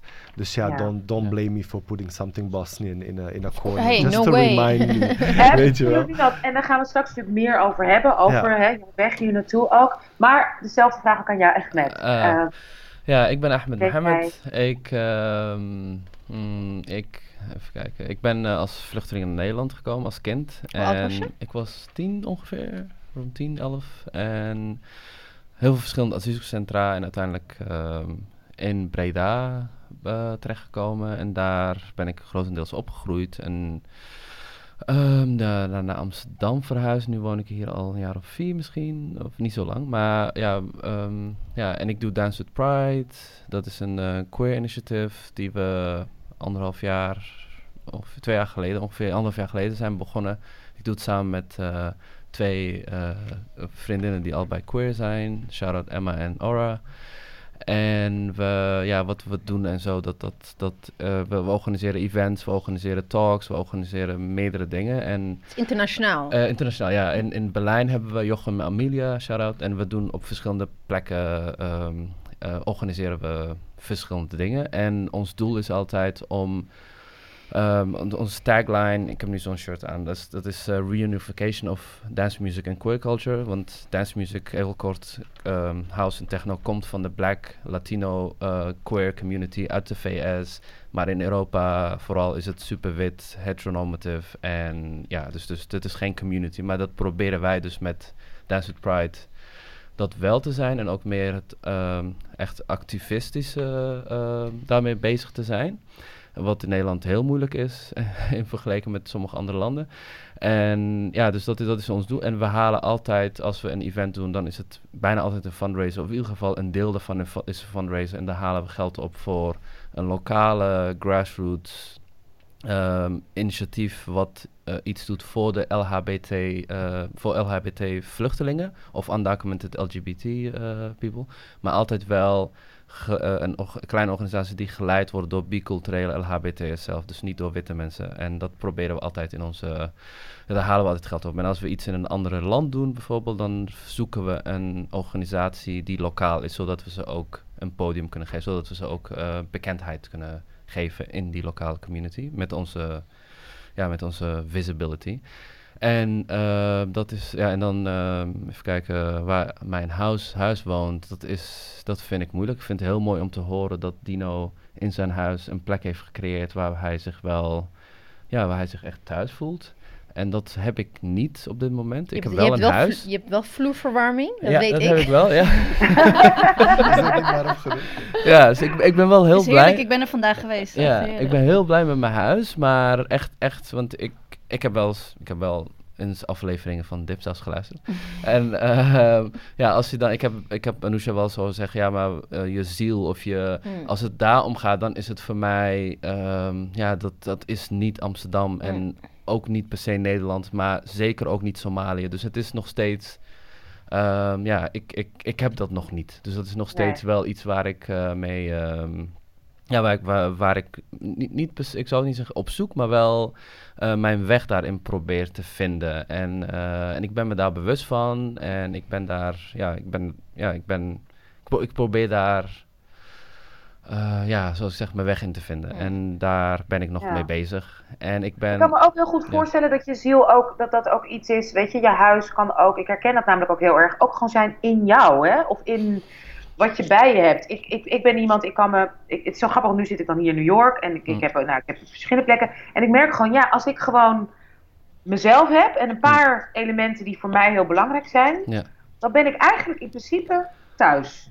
Ja, ik heb dat ook wel in zekere zin, maar op dit moment, eh, even kleine context. Eh, mijn normale baan, want Dance with Pride, is niet iets waar ik geld mee verdien. Wij zijn nu bezig. Wij zijn stichting, een oprichting. En ho- hopelijk over een aantal maanden zijn we officieel een stichting. Maar ik werk als tolk en vertaler. Dat, is, dat was, dat is mijn werk al ruim tien jaar. Uh, maar ik zit nu officieel in de ziektewet. En als freelancer moet je eigen arbeids- en ongeschiktheidsverzekering regelen. Dat heb ik. En, maar het is nog steeds een heel veel gedoe om dat echt uh, in orde te krijgen. En dat is dan vanwege mental, my mental well-being. Dus ik ben nu in therapy. En, dus, en daar heeft het ook mee te maken waar Ja. ik, wat ik nu zeg over. Mhm. Uh, dus daar ben ik daarmee ook aan het proberen uit te vinden hoe ik dat met familie, met, met, met mijn hele. Ja, om, om, daar, om daar een, een weg in te vinden. Maar waar Weg ik wel. te vinden, Ja. ja. sinds ik in, met therapie begonnen ben, dat wat ik iedereen kan aanraden, is wel dat ik echt bepaald soort clarity heb in heel veel dingen. Ik weet dat I need, there's a lot I need to deal with. Heel veel waar ik, ehm, wat ik moet doen, heel veel waar ik aan moet werken. Maar ik heb echt clarity. Ik heb friendship breakups gehad. Ik heb heel veel dingen, keuzes gemaakt. En, en mijn grens zoveel mogelijk leren ehm, ja, Stellen. stellen. En, en ik ben nog steeds daarmee bezig. Maar ik heb wel een clarity wat ik eerder niet had. En daar ben ik wel heel blij mee. En daarom ben ik ook bewust van het feit dat ik me ehm, ja, eigenlijk niet helemaal thuis voel. Ehm, dat ik Nee. niet dat gevoel van thuis zijn heb. En, en dat, zoals Tino zegt, is ook wel iets van... Ik ben ook gevlucht naar Nederland. En dan, die, die, ja, d- er werd heel lang gezegd... Ja, kinderen passen zich heel erg aan. En een aantal jaar geleden was een onderzoek daarna gedaan... in de kinderen die vluchten en die dan steeds zich moeten verplaatsen. Dat dat echt een hele lange eh, ehm, ehm, ja, gevolg heeft voor hun Ja. um, as adult dat, eh, ehm, dat ze dan bindingsangst hebben. En dat heb ik, dat weet ik. En, en dus dat was toen ik dat eh, resultaat van het onderzoek zag, was het wel een soort van eh, erkenning. Nee, nee, niet soort Ja. van echt een erkenning van ja, dat is wel zo. Herkenbaarheid. ook, Ja, maar ook dat, dat, je, dat je eindelijk gezegd wordt, ja, oké, ja, het- wat je voelt klopt. En dat is iets wat, Ja, wat nooit, eh, want de kinderen passen zich aan, bla bla bla. Ja, We hebben echt letterlijk in, Flexibel, komt goed. Ja. ja. we hebben letterlijk in. Nederland. Ja, in Nederland hebben we in denk ik tien verschillende asiel- asielzoekerscentra in, in anderhalf jaar tijd gezeten. En dat werd dan voor ons allemaal bepaald. We werden steeds Ja. ergens anders naartoe gestuurd. Ik, ik was samen met mijn zus, die ook maar 20 jaar 20 was of zo. En mijn broer. Dus dan, er, dus mijn ouders waren we nog niet eens. We werden steeds ergens anders gestuurd. En al die Oh. dingen kom ik nu achter. Ga je niet in je koude kleren zitten. Maar in de koude kleren zitten. Maar ja, dat, dus die, die erkenning is wel fijn. En daar ben ik nu dus mee bezig om daaraan te werken. Maar verzekeringen zijn assholes. En Ja. Oh, dus die, eh, ja. ja dus, En mag ik vragen, mag ik, mag ik Ja? vragen hoe oud je bent? Want Dino, Ik- jij bent 34, toch? Precies, ja. ja, ik ben 36. Dus dat is, dat is Ja. ook een belangrijke, zo, zo grappig, want inderdaad die mid-30s Ja. zijn zeker wat dat betreft toch apps heel, heel, heel belangrijk. En heel mooi en goed Ja. dat je nu, dat je dit werk nu aan het doen bent. Yeah, well, Ja, ja. It, it's like it's it's it's. I think it's a moment where you kind of decide who you want to be, Ja. en en dat je dat je tot tenminste in mijn case dat je vrede hebt met wie je bent en wie je wie je zijn en niet meer denkt van oh had ik maar x, y of z gedaan, dat heb ik niet en dat is dat is wel a journey geweest, obviously, maar het is wel goed dat je ja, I mean, I'm, I'm En, en ook nog het queer zijn, ehm, islamitische achtergrond, al, al die intersecties, dat, dat is wel allemaal dingen waar ik nog steeds mee aan het dealen ben, maar waar ik wel meer een, eh, een rust in heb. Of zo. Ik voel wel meer een rust in mezelf en daar ben ik wel blij om. En ik ben er nog steeds nogal lang niet, maar ja, ik, ik ben wel, ik, nogmaals, die clarity heb ik en daar ben ik wel heel, eh, heel blij mee. En dat ik ook mijn, over racisme, dat ik pas een aantal jaren echt daar eh, duidelijk voor mezelf die keuze heb gemaakt. Zoals ik zei, die friendship breakups en dergelijke. Dat ik zeg van ja, tot hier en niet verder. Dat ik mijn eigen grenzen eh, trek en zo. En hoe was het voor jullie ook beiden? Want dat is hè, toch een onderwerp. eh, En weet je, voel je vrij om te bespreken wat je wil bespreken. Om je grenzen ook daarin aan te geven. Alles kan worden geknipt of kan eruit. Maar ook voor onze luisteraars die misschien in dezelfde positie zitten. Hè, die, die, wat je zei, die verschillende intersecties van verschillende tijden. Wanneer kwamen jullie erachter of wisten jullie wie en wat je bent? Ook seksueel, qua gender. En hoe, hoe is die weg gegaan? Want ik kan me voorstellen met en verschillende identiteiten, verschillende intersecties. En ook jullie weg naar Nederland. Dat is geen makkelijke weg geweest. Ja, Wie wil nee. beginnen, Dino? Ja. Ehm, nee, het is zeker niet een makkelijke weg. Uh, ik kan nu wel heel um, trots zeggen dat ik, voor mezelf dat die weg me toch wel ergens ook gebracht heeft. Want ik heb aan mezelf ook vragen gesteld die normaal gesproken mijn leeftijdgenoten niet parallel samen met mij hebben in dezelfde tijd hebben gesteld of in dezelfde op dezelfde leeftijd. Ehm, ja, ehm, ik denk dat wat ik, waar ik ontzettend um, nu uh, mee bezig ben, is dus uh, te kijken dat die, waar we het continu over hebben, over intersectionaliteit van, van verschillende identiteiten, dat het, dat het toch niet alsnog gezien wordt als aparte identiteiten die bij elkaar komen. Um, en waar ik nu mee bezig ben, is dus echt kijken naar hoe ze hoe ze bestaan naast of op elkaar of whatever. Uh, mm -hmm. Maar dat ze een cruciaal onderdeel van mezelf zijn. En in verschillende levensfasen, afhankelijk van hoe ver je bent in je zelfacceptatieproces, et cetera, dat één identiteit wel belangrijker of, of nadrukkelijker naar voren komt dan, dan het andere. Uh, en nu is, wordt dat steeds meer geharmoniseerd. Nu is het steeds meer, ik, ben, ik wil in alle omgevingen, in alle settingen, wil ik gewoon alles kunnen zijn tegelijkertijd. Zonder, want die mix maakt het niet van oh, ik ben en queer en moslim. Maar die, die, die, die queer-moslim mix maakt uh, die unieke combinatie die gewoon anders is, zowel van een, van een straight cis moslim en een, en een white queer person. Um, ja. de, dat, is, dat is dus daar, daarin zie ik en accepteer ik steeds meer dat die unieke combinatie toch wel iets anders oplevert. De weg daar naartoe, ja, als ik nu terugdenk, kan ik wel natuurlijk veel makkelijker zeggen, ja, ik voelde het ook op mijn vijfde, ik voelde mm. het ook op mijn twaalfde, twintigste. Um, ik denk dat het breekpunt kwam op mijn 25ste. Um, ehm, voor sommige mensen was het heel laat. Voor sommigen, voor mij was het zelfs te, te snel. Um, toen ik zag dat, dat die gedachten toch al invloed hebben op mijn gezondheid. Uh, dat de huisarts niet meer, niet meer wist wat hij met mij moest doen. Dat ik her en der gegaan ben om hulp te zoeken. En dan beland je toch al ook bij freaky mensen. Underground mensen die, die toch al zeggen dat, dat ze je kunnen genezen of verbeteren of whatever. Daar ga ik niet over, veel over praten, want het is natuurlijk wel een, iets waar, waar, waar heel veel um, queer moslims ook mee te maken hebben. Misschien een andere keer. Maar um, wat mij ontzettend stoorde is dat er zelfs bij goed bedoelde mensen, zelfs bij mensen die je echt oprecht wilden helpen, er altijd wel een scheiding was. Uh, en een bepaalde weg en een bepaald recept. Um, dus als je bijvoorbeeld naar een witte hulpverlener gaat, dan is er advies. Je moet uit de kast komen. Uh, je moet afstand nemen van je, van je moslimidentiteit. Bevrijd jezelf, et cetera. Um, aan de andere kant, bij mijn uh, mensen in de omgeving die moslim waren, dat was, oh uh, jeetje, dat is wel heftig inderdaad, dat je queer bent, probeer het of te verbergen of niet meer zo te koop te lopen. En dat heeft zo'n zo'n kortsluiting in mijn hoofd uh, veroorzaakt dat ik op tot 25ste was ik echt de grootste introvert ever.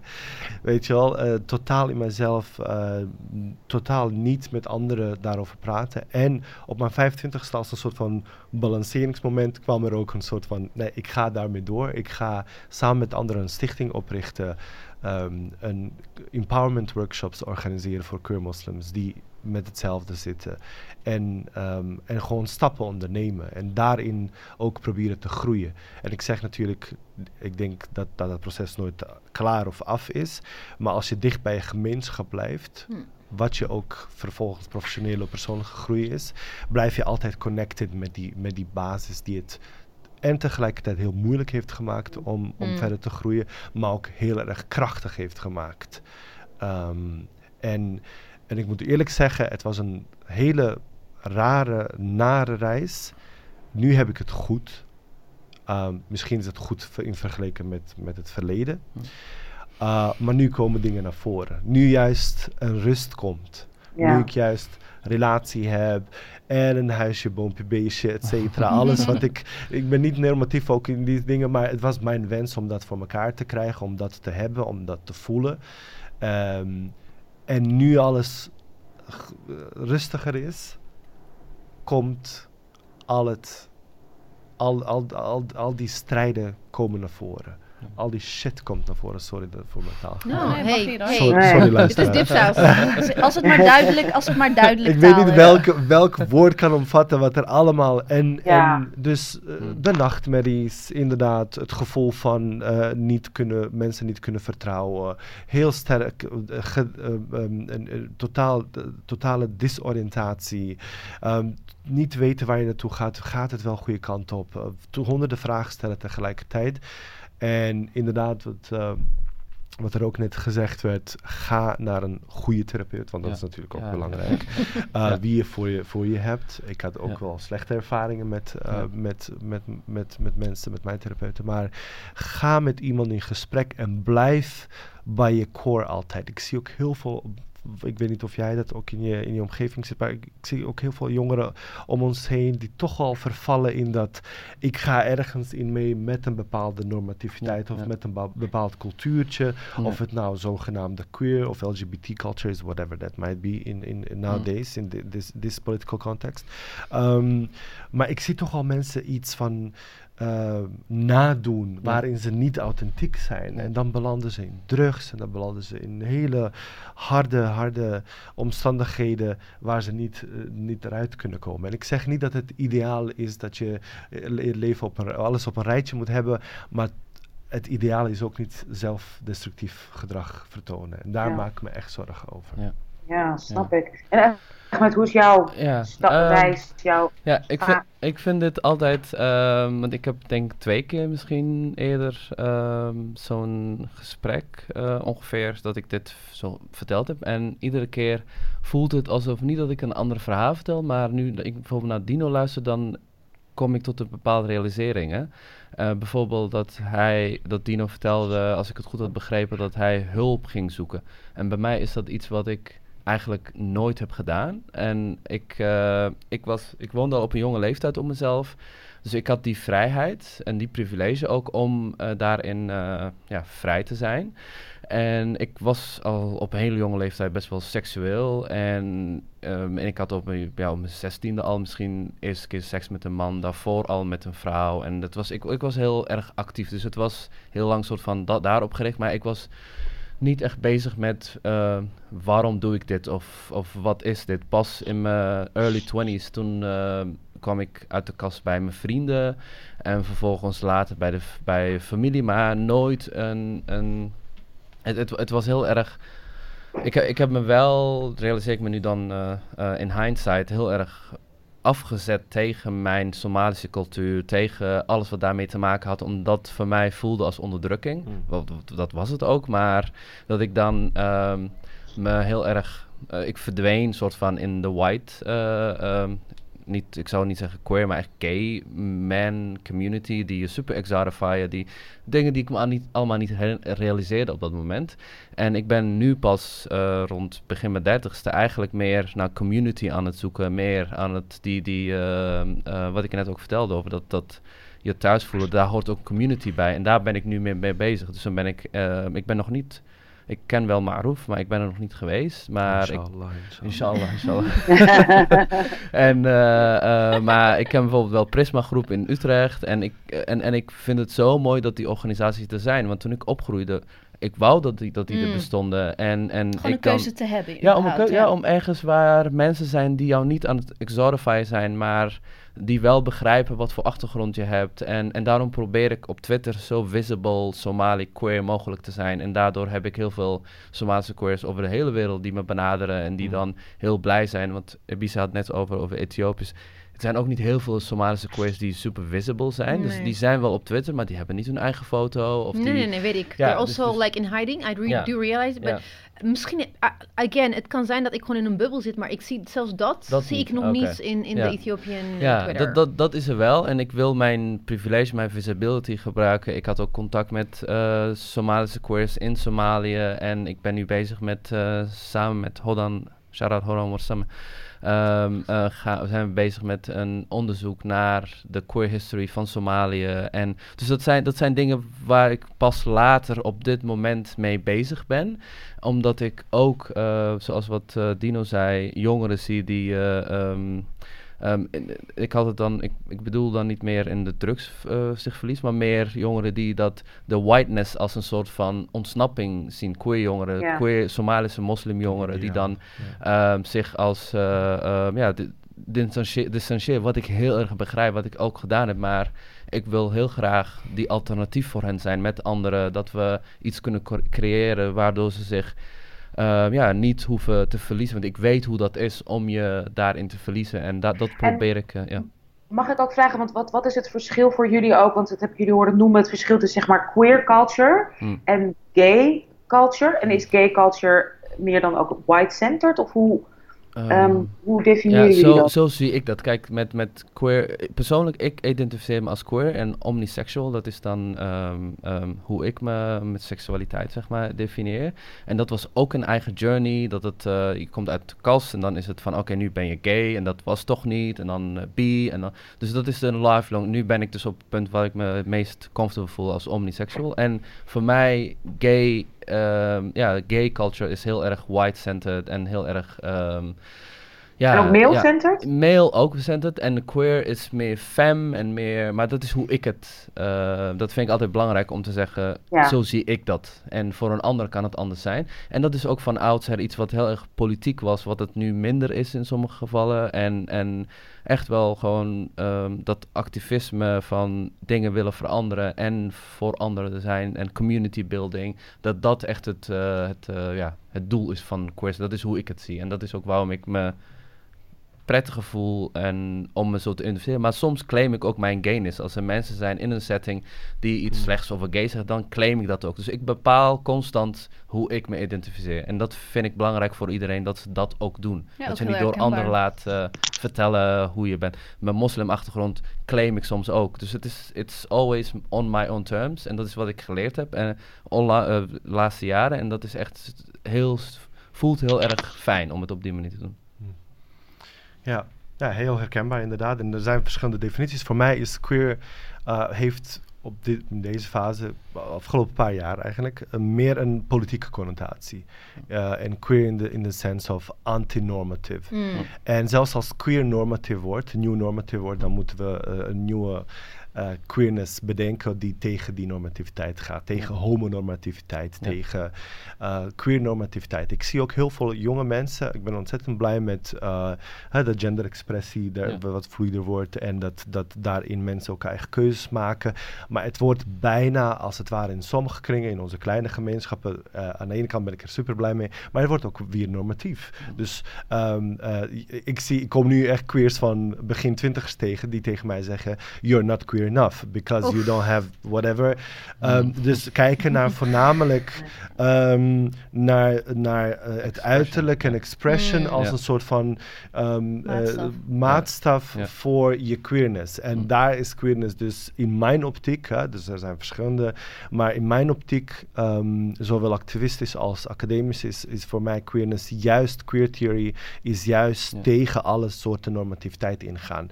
En, en, en, en in die zin blijf ik altijd, als ik terugdenk naar mijn activisme van twee jaar geleden, dan vind ik bijvoorbeeld verschrikkelijk. Ik, ik krijg soms echt ongelooflijke kribbels van mijn tweets van twee jaar geleden. en omdat ik een soort van auto, auto-queerness heb eh, going on, die, eh, waarin ik mezelf, eh, vooral naar mezelf kritisch ben, continu van, hé, hey, wat Mm. is nu iets wat je meegeeft. Want op, het- op het moment dat je het podium krijgt, podium hebt, de organisatie hebt, de, de organisatie vertegenwoordiger, bent, dan doe je mee aan mechanismes waarin normativiteit vanzelfsprekend wordt. Mm. En daarin probeer ik ook steeds meer afstand te nemen, de- steeds meer hè, die, die disclaimers te plaatsen. En ik denk dat dat onderdeel van mijn queerness is. En ehm, in, in, die, in die sens vind ik queerness ook ehm, ehm, eh, belangrijk om ehm, als nieuw project, nieuwe fase waarin we in, in moeten gaan, is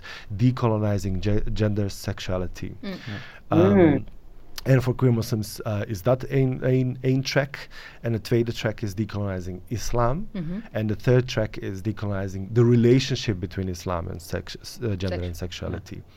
Hier Which ben ik heel erg fan van. Which is very important. en, eh, en inshallah komen ook gewoon rabbi. bijeenkomsten, conferenties dit jaar, volgend jaar. Om echt op verschillende niveaus hè, met elkaar in gesprek te gaan. In hoeverre zitten we vast in de patronen als we, over, als we het over queer moslims hebben, als we het over queer en islam hebben, als we het over queer moslims, et cetera.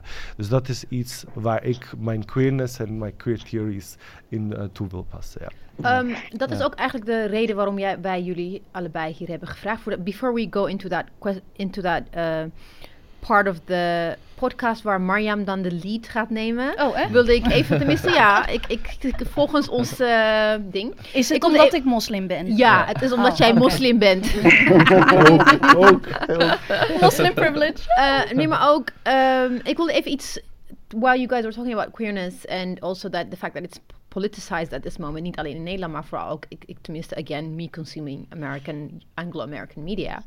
Een van de dingen dat that I noticed, misschien in publishing, dus alles wat een trend is, komt er een boek uit. Of mensen uit een bepaalde groep, wanneer dat like trendy is, worden dan.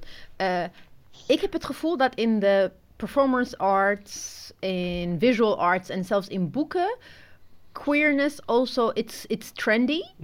En daar eh, uitgevers of curators of whatever op zoek zijn naar eh, queer artists. En ik heb ook het gevoel, het is een gevoel dat ik ha- had in gesprek met een andere uitgever, dat dat ook eh, queer, queer POC ook daar, of mensen die niet per se queer zijn, dat dat ook toe-eigenen om voor whatever. Heb je, heb, zien jullie dat gebeuren? Want dat Oh, gevoel ja. heb ik, maar ik, ik weet er niet genoeg van af. Waarvan ik denk van, something is shady, maar wie ben ik om te zeggen van dat klopt niet? Weet je, dat is mijn... eh, Ja. Ja, dat, dat, dat gebeurt heel veel. En even een, een soort van general note. Ehm, inderdaad, het is ehm, meer, zoals Dino zei, het is politicized, maar het begon eigenlijk als een political statement. Like queer ehm, in de jaren zeventig in de States. eh, het was ehm, dat, dat, dat, dat, eh, van, ehm, ja, ik ben even de organisatie kwijt, maar het was, eh, het is eigenlijk depoliticized en nu weer aan- wordt het politicized. Maar het begon als een, eh, een politieke statement van die shirts van we are queer, we are Mm. here. En, en het, was, het was iets wat, het was in de tijd, in de hoogtijd van de HIV-crisis in de Mm, States. in Toen AIDS, is dat, in de AIDS-crisis, toen is dat ehm, is queer zijn echt gereclaimed. Het was, het was een slur eerst. En toen werd het gereclaimed, werd, werd het politicized. En, en, maar op een gegeven moment is dat, die politieke daarvan is afgegaan en nu komt dat weer terug. Maar zoals Ebise het eh, zegt, het, is, het wordt ook heel erg veel ehm, ja, misbruikt, maar ook heel erg geclaimd door heel veel mensen. En, en, en een van de meest, ja, niet per se queer, maar ehm, de LGBT-community wordt ook heel erg gebruikt en misbruikt door eh cis-het, dus cis-hetero mensen. En een van de echt meest shocking, niet shocking, maar wel gewoon echt meest, waar ik boos om werd, was de vrouw die Milkshake Festival runt en die dan vond dat hetero ook in de alfabet moest omdat zij zelf een witte hetero vrouw is. Weet je, dat soort dingen word ik echt oh zo, my god. zo boos om van... ehm, ehm, ja, de- Dino de- is ja, stabbing himself. Cross, Cross love, stabbing, oh. Maar wat Ja, was wat was de- argument daarbij? Wat, wat, wat, welk Ja, argument? Eh, ik, ik, ik, eh, ja, Queerness has, ja. you know, queerness became political blackness Yes. thing. Weet je wel, dat ineens hetero mensen eh, zich ontzettend, eh, Mm. omdat ze queer-friendly zijn, eh, je moet er blij, blij van worden als queer persoon, dat, een Ja. hetero, dat je hetero ally hebt. Ja. En die, op die manier claimen ze een space die ze eigenlijk niet moeten claimen. Ja. Ja, ik ben het niet als het gaat om mijn gedragingen of uitingen, et cetera. Maar mijn mind is zover, mijn politics zijn zo queer-friendly dat ik me eigenlijk mezelf queer kan noemen. En het is afhankelijk natuurlijk van, het, van de context en wie Ja, het zegt. ja, ja. Maar in de meeste gevallen kijk ik echt heel bleek aan naar die, naar die persoon die gewoon totaal niet beseft dat je dat, dat niet moet meenemen in je, in je verantwoording bijna. Een soort van waarom je jezelf queer noemt. Je bent geen... It's, it's all life mattering. Ja, ja, ja, het is zeker. Het is echt all life mattering. En dan ook iemand met haar positie leuk die dat heel erg. ehm, nogmaals, ze claimde niet per se queer maar zijn, maar veel meer van dat hetero ook. Ik denk dat haar argument was dat ze ook onderdrukking maken. I don't know. I don't know. I don't even, I don't even wanna know. Maar als je dat zegt en je runt dan een festival wat zich heel erg geprofileerd heeft dat het voor de LGBT community is. Het is gewoon fake. Je wil gewoon. ehm, en en dan, de, dan, dan vind ik. Ik vind sowieso niet dat je zo'n festi- festival als hetero persoon. Of in ieder geval voor anderen iets moet gaan doen. Want laat, geef het podium aan. Dat gebeurt in de electronic music scene, door clubs, door... Geef fucking het podium aan die community. Precies. Laat ze zelf iets doen. Maar als je er... Mocht je om wat voor reden dan ook ervoor kiezen om dat te- toch te doen... ehm, take 10 steps back. En ga jezelf niet ergens tussenin wringen. Maar het gaat over racisme, over eh, seksisme. Dat mannen ook nu heel erg bezig zijn met... Ik ben, dat heel erg bevraagd wordt. Ja, de feminist. Ja, ben je een feminist? En bullshit. Nee, take a fucking step back. Laat degene om wie het gaat... Geef die een podium als je dat podium hebt. En dat, dat is gewoon iets waar ik me echt heel erg boos om maak. En wat gewoon heel erg, eh, ja, heel erg problematisch is. En dat ook in de, ik, als ik dan spreek over de underground electronic music scene, echt heel erg veel gebeurt. Dat er gewoon zoveel met die buzzwords, heel veel misbruik wordt gemaakt. En dat, dat ook heel veel mensen daarvoor val- vallen. En dat vind ik echt eh, heel erg pijnlijk om te zien. Maar mo- more and more mensen zien wel gewoon dat het niet genuine is en dat, eh, dat er misbruik wordt gemaakt van... ja, maar wat was de vraag ook alweer? Nee, nee. Nee, oh je ja, hebt het graag oh beantwoord. Nee, je hebt allemaal, je hebt heel beantwoord. even terugkomen Ja. op De dat... commercialisering van queerness. Ja. Precies, Ja, ja. en ik neem, misbruik. ik moet dat ook, het is een beetje shade, shade bird, burn, whatever. Ehm, ik neem ook queer, queer POC daarin eh, kwalijk. Sommigen gaan daarin mee. Tuurlijk. En gaan in met laten we dit een soort van standaardiseren, kanoniseren. Mhm. En als je dat doet, dan verliest En wat het bedoel je precies? Kan nou ja, dat het een geven? soort van een standaard ehm, eh, wordt waarin je dus steeds moet overleggen met degene die zowel niet queer als eh, niet, eh, eh, POC is. Eh, en dat je daar eh, toch wel je, je eigen expressie en ik.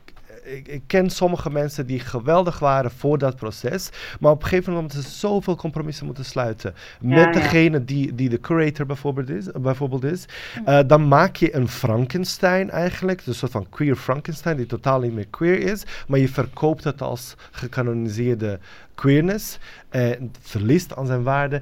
En je wordt gebruikt als een token. Zo van, hé, hey, maar Ja, die ja, heeft het voor ons gedaan. Ja. Dus jij hebt geen recht om te spreken dat dit niet queer Ja. is. En daarom Ja. vind ik het heel belangrijk om. ehm, gisteren was ik bij een talk waar dan een hele geweldige vrouw hadden gesproken.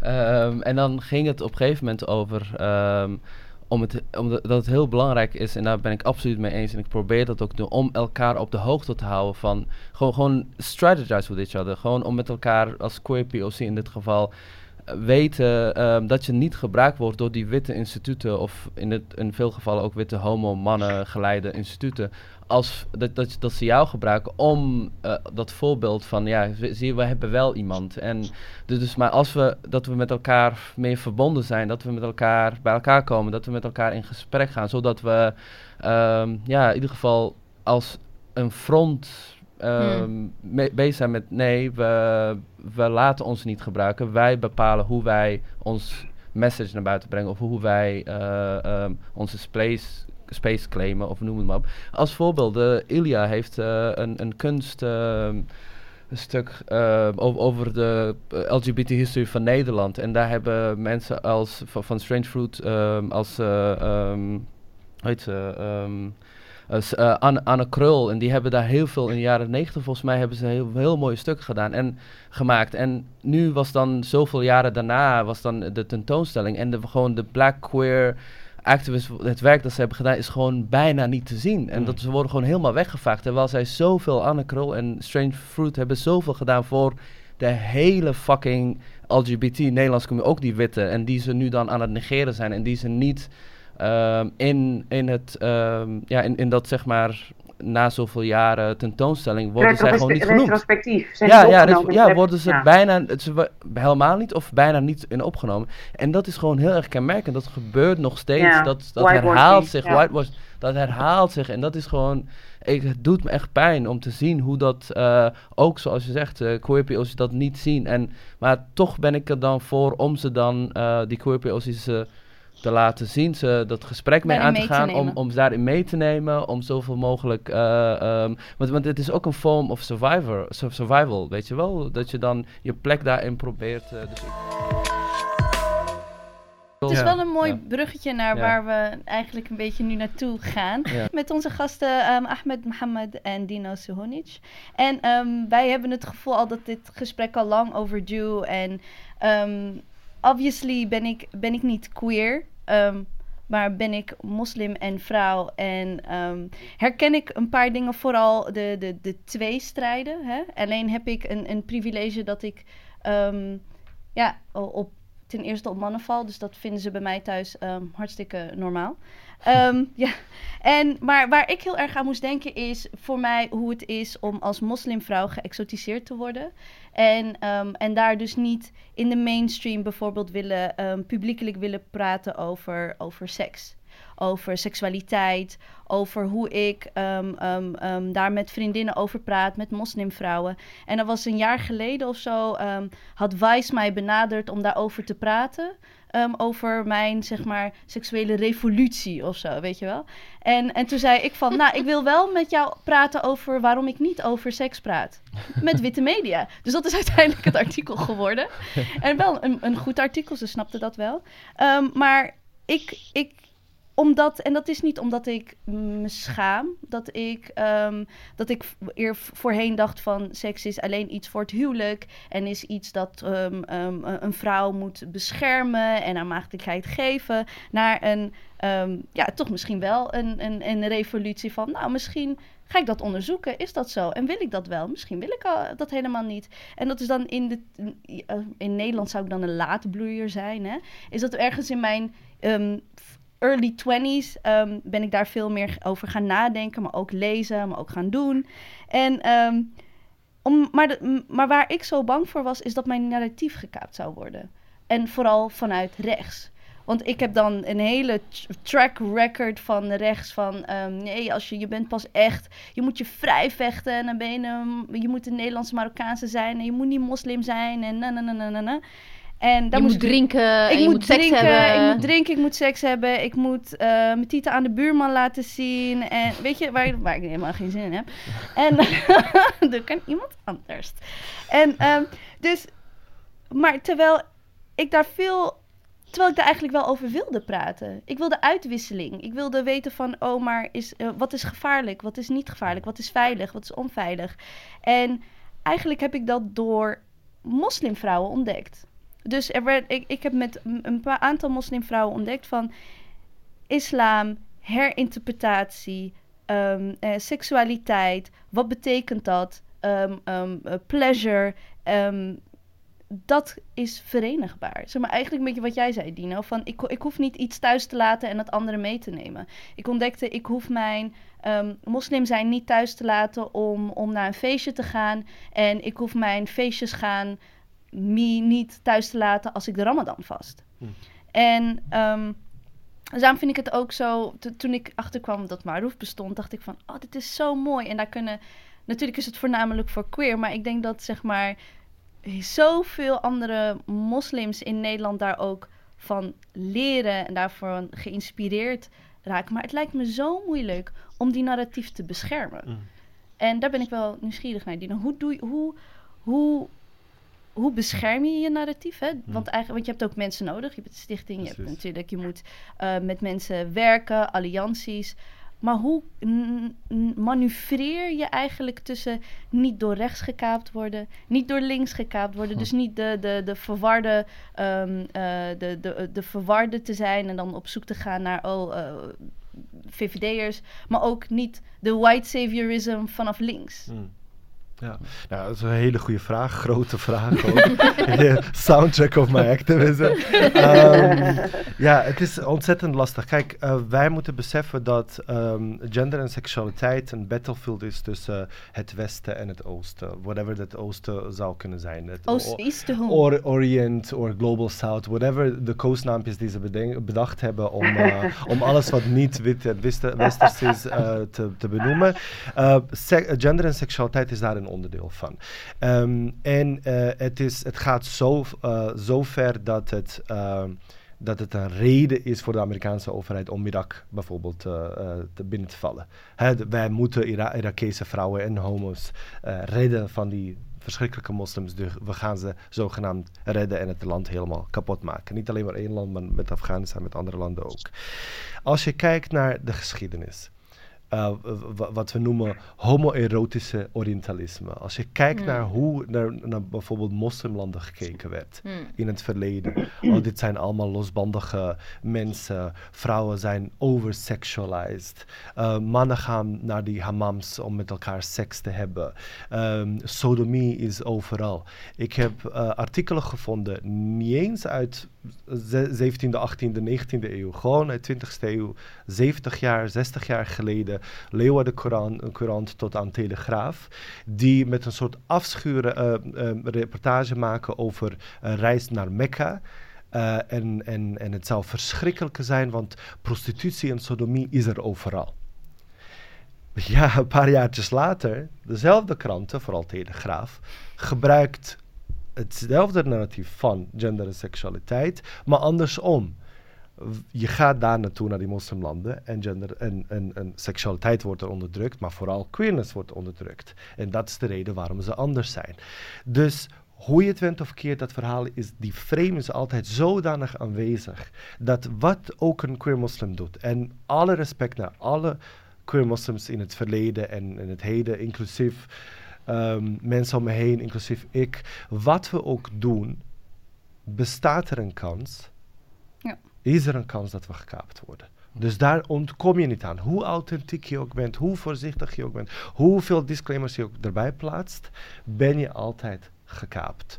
En um, in die zin is het ook lastig om überhaupt daarin te navigeren. Je kan wel verschillende lagen hebben, inderdaad, van het gesprek. Bepaalde hele gevoelige gesprekken voeren we binnenshuis. In een veilige, ja. In een veilige setting.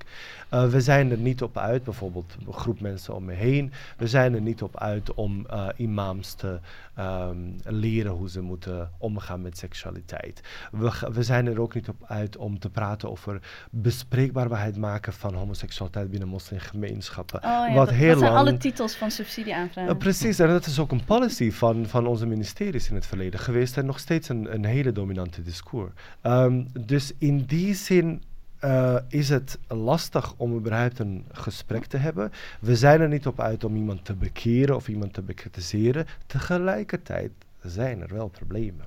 Tegelijkertijd is die discussie zodanig op het podium gezet dat zelfs een klein geluidje, hoe genuanceerd dat ook, gewoon misbruikt wordt. Uh, dus wat doe je daarin? Nou, je, je, Miriam, je, Miriam, je was um, uh, onderdeel van, van een paar van die gesprekken. We, we, snijden verschillende onderwerpen aan. En inderdaad gaat het niet over queerness.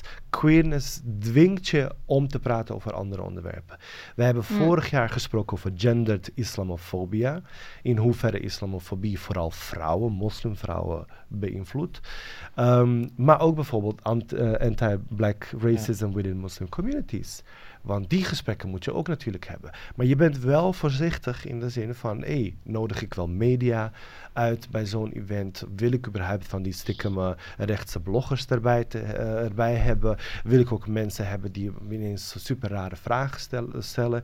Um, het moet een intracommunital conversation ja. zijn. En die is anders dan als je het op een podium doet. Die is anders als je andere mensen buiten die gemeenschappen uh, betrekt.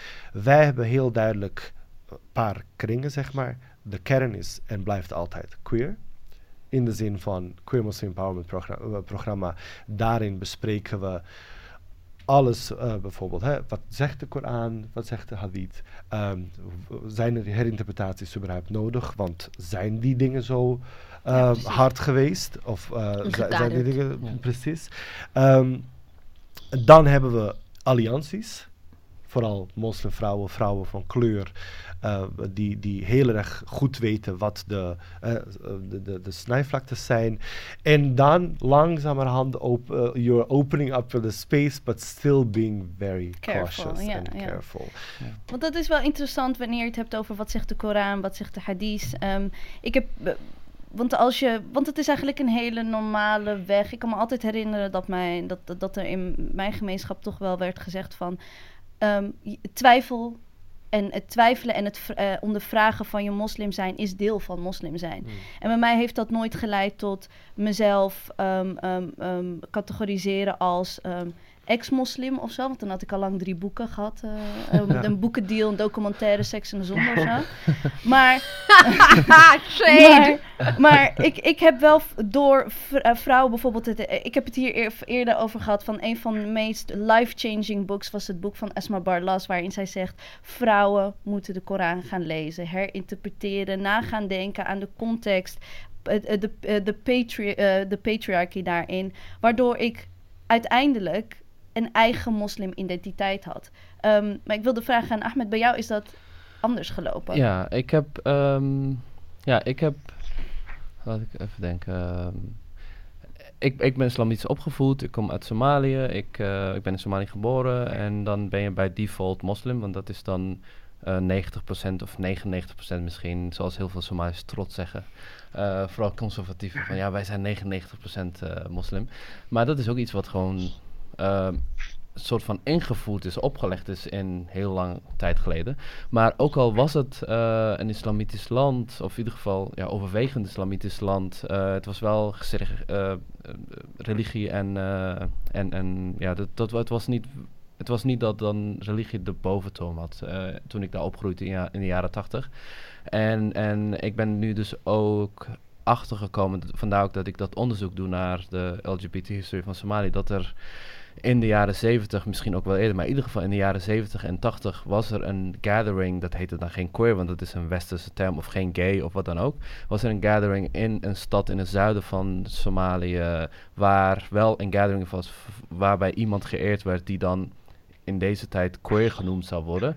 En het was ook een gathering wat een soort van festival was. En dit was al in de jaren 70, before all die, like, eh, hier alles gebeurd was met, het, met eh, eh, emancipatie van de LGBT-community Mm. en noem maar op. Maar daar was het dan, het, ik zeg niet dat het de norm was, maar het was wel iets wat iedereen wist, wat heel erg, ehm, ja, en, en zoals Dino nu ook zegt, dat dan, nu wordt het dan gezien als een heel conservatief, als we, zij, zij, wij, zij moeten geholpen worden, zij doen het niet goed of noem maar. Maar in die tijd was het ook een overwegend islamitisch land, maar toch was het, eh, konden dat soort eh, bijeenkomsten heel vrij gebeuren. En dat is dus waar ik eh, samen met Hoddan bezig ben om daar meer over te vinden. Omdat ik voor of het, conservatisme, conservatisme in de Somali community heeft, wordt wel steeds groter of is groter geworden. En dat is iets wat eh, we willen dat het gewoon niet, het is niet de norm geweest. En het is niet iets wat, ehm, ja, wat, wat dan, ehm, waar we witte mensen voor nodig hebben te save was of wat dan ook.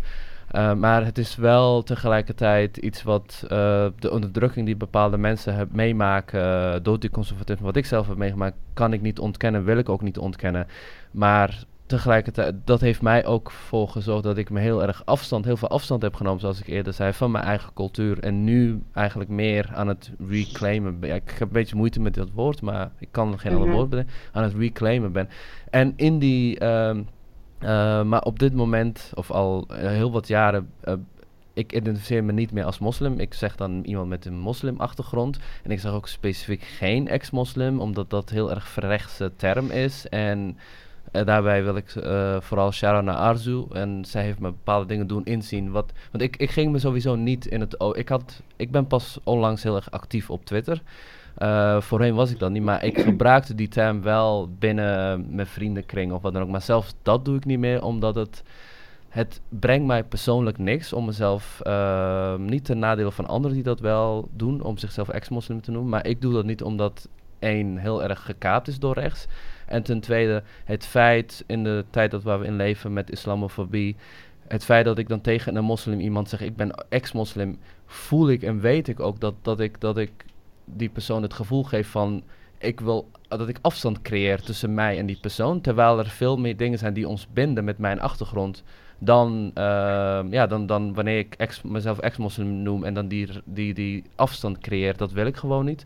En eh, ik, vind het, ehm, ik vind het ook, dat is dan waar ik nou nu meer mee bezig ben met eh, heel actief zijn op Twitter. Om, omdat ik Somalische mensen zie die zichzelf zo identificeren en heel erg naar de whiteness en, en, en zelfs iemand die was dan Israël aan het verdedigen en zeggen dat het daar heel erg gay-friendly is en dan daar allemaal uh, vol vielen en dat ik dan zeg, ja maar heb je gezien wat er met zwarte... Uh, Jewish, de, Jewish Ethiopians gebeurt. Wat er met, eh, eh, met, met queer eh, eh, mensen die Arabisch of die niet wit zijn, wit Israëli's zijn, wat er daarmee gebeurt. Dus, dus dat ik daarbij probeer duidelijk te maken. ehm, ik, ik weet dat het uit pijn komt, uit een plek komt waar je heel veel pijn hebt geleden, maar dat ik dan zeg. Dat ik dan probeer duidelijk te maken, maar door jezelf, ehm, ja, door, door, door je, eh, zeg maar, te verdwijnen naar die whiteness, dat is geen, dat, dat red, dat, dat, is geen antwoord. Dat is geen antwoord en dat is geen eh goede alternatief. Ik heb dat zelf ervaren en ik wil niet voor een ander spreken eh, hoe het voor hen is. En, en ik heb ook gisteren, eergisteren was ik in discussie met een Somalische eh, queer vrouw die zichzelf ex-moslim noemt uit eh, een ander land, niet uit Nederland. En dat zij, dat ik da, dat zij dan zoveel, ik heb haar aangesproken op eh, kritiek wat ze op Ilhan Omar had. En dan was, en toen heb ik daarop gereageerd omdat ik dat gewoon problematisch vond. En dan ging ze heel veel reacties op mijn tweet, zeg maar. En dan op een gegeven moment las ik en ik zie die pijn, ik voel die pijn. En ik heb gewoon voor gekozen, ook voor mijn eigen mental well-being. Toen zei ik, ja, ik, ik laat het hierbij. Ik, maar als je wil praten, let me know, zoom in there. Maar ik, ik, ik ga Ik hier niet in ja. discussie. Ik stop hiermee. Want het was gewoon zo... Het deed me zoveel pijn om te zien dat zij... Ja, dat zij heel erg eh, door, het, door de pijn, door de dingen die ze heeft meegemaakt, zich afzet. Wat ik heel erg echt goed begrijp en ook heel erg mee in kan vinden. Maar dat ze dan ja, iets kiest wat dan voor haar Ja. ook En- een... eh, ja. Toppie dat je ruimte geeft. Ja. Ik, eh, ik, ik heb dat ook. Ik, Ja. ik zie dat ook vooral bij eh, nieuwkomers hè, die, die de, eh, het land moeten verlaten om, Ja. om hun queerness. Ja. Tegelijkertijd denk ik, er is ook een notie van ehm, eh, als eh, je ex-moslim zijn bijvoorbeeld, een, eh, als daar een van de redenen is de anti-queerness van je community, Ja. dan moeten we heel goed kijken naar wat heeft die anti-queerness veroorzaakt. Ja. En we kunnen niet ontkomen aan, aan zoveel factoren die een rol spelen van die anti-queerness. Ja. Ja. in de moderne tijd is het best wel beïnvloed door natuurlijk hè, Saudi-Arabië, Ja. die heel veel invloed heeft op, Ja. op, So- op De- de- Somalië en heel ja. veel andere landen. ja, ja. Ehm, eh, we kunnen ook niet ontkennen de, de, de immense invloed of colonialism Ja. als het gaat Ja. om anti-queerness. Ja. De binariteit die wij eh, opgenomen hebben in onze culturen bestond niet in Ja. de eh, Ja. pre-koloniale ja. tijd. Ja. En, en ik zeg niet, ik ben niet een van degenen die zegt, oh, eh, ik, I don't suffer for beforeness. Eh, dat wil Mm. zeggen, ik wil niet zeggen dat alles Nee. voor de koloniale nee. tijd Hartstikke mooi, geweldig was was. leuk, gezellig. Ja. Ehm, nee, dat was het niet. Maar als je kijkt naar hoe eh, queerness bijvoorbeeld binnen islam. En als het gaat, voornamelijk, je moet kijken, islam is zo groot. Mm. Dus als je, als je kijkt naar, naar wat is problematisch bijvoorbeeld binnen islam, is het voornamelijk binnen de juridische kaders. Ja. Het is een daad dat problematisch is op het moment dat het een, gest- bestempeld wordt als publieke daad. Zo werd het in de geschiedenis altijd behandeld.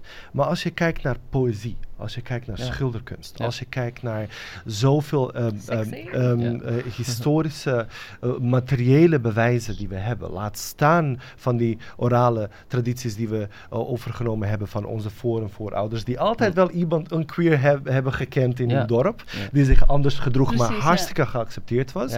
Ehm, maar je moet dus naar al die factoren kijken. Waarom da- die anti-queerness zo ineens zo sterk is. Ja. En, en of misschien, en dit, dit, ik, je kan best wel kritisch zijn op je gemeenschap. Je kan best wel zeggen, hey, ik geloof niet meer. Maar niet om die redenen als dat, als soort van reden gebruiken om, ja, ik ben het, ik ben het nu eenmaal omdat mijn community anti-queer is. Het is een Ja. heel gelaagd proces. Ja. Het ging van alles en nog wat. En de moderne tijd, eh, in deze afgelopen 30 jaar, zien we ongelooflijk grote invloed van ehm, eh, norm, een, norm, een normalisering van die binariteit die Ja. gekomen is met, de, Ja. de imperia- met het imperialisme. Ja, ja, want een van de Ja. dingen die... Oh, zeg Oh, maar. want Ja. ik, dat wilde ik even, uh, when you were talking, I wanted to touch on that. Because when you said, je hebt het ook gezegd, je hebt het ook gezegd van, uh, gisteren ook allemaal bij de Dipsaus uh, Ja. Frame and Fern- Framed uh, interview, um, over de toename in conservatisme in Somalië, within de moslimgemeenschap, wat ik ook in Ethiopië zie. Maar niet alleen Ethiopië, maar ook je hebt, you have Egypt, Turkey, that, that conservatism that is creeping in also inderdaad uh, gevoed en sustained from South Africa with, a- with a political, global political agenda. Is dat deels, is, is dat ook niet deels een reactie op uh, de toename, toenemende islamofobie in the world as a result of geopolitical um, happenings. Dat mensen zich ook gewoon terug, you know, like they call it the clash of civilizations. Van, ja, van de, de, de, de, de wilde uh, de, de islamisering, weet je wel. Dus dat, is dat ook niet een reactie daarop? Of zeg ik nou iets raars? Ja, zeker. Je, je hebt helemaal gelijk. Ja. Kijk, er zijn nogmaals, het, zijn, het is zo'n gelaagd proces. Ja. Um, je had uh, binnen de moslimmaatschappij had je nooit een hele duidelijke uh, anti-gay uh, political agenda. Gay identity, homosexuality as a word didn't exist.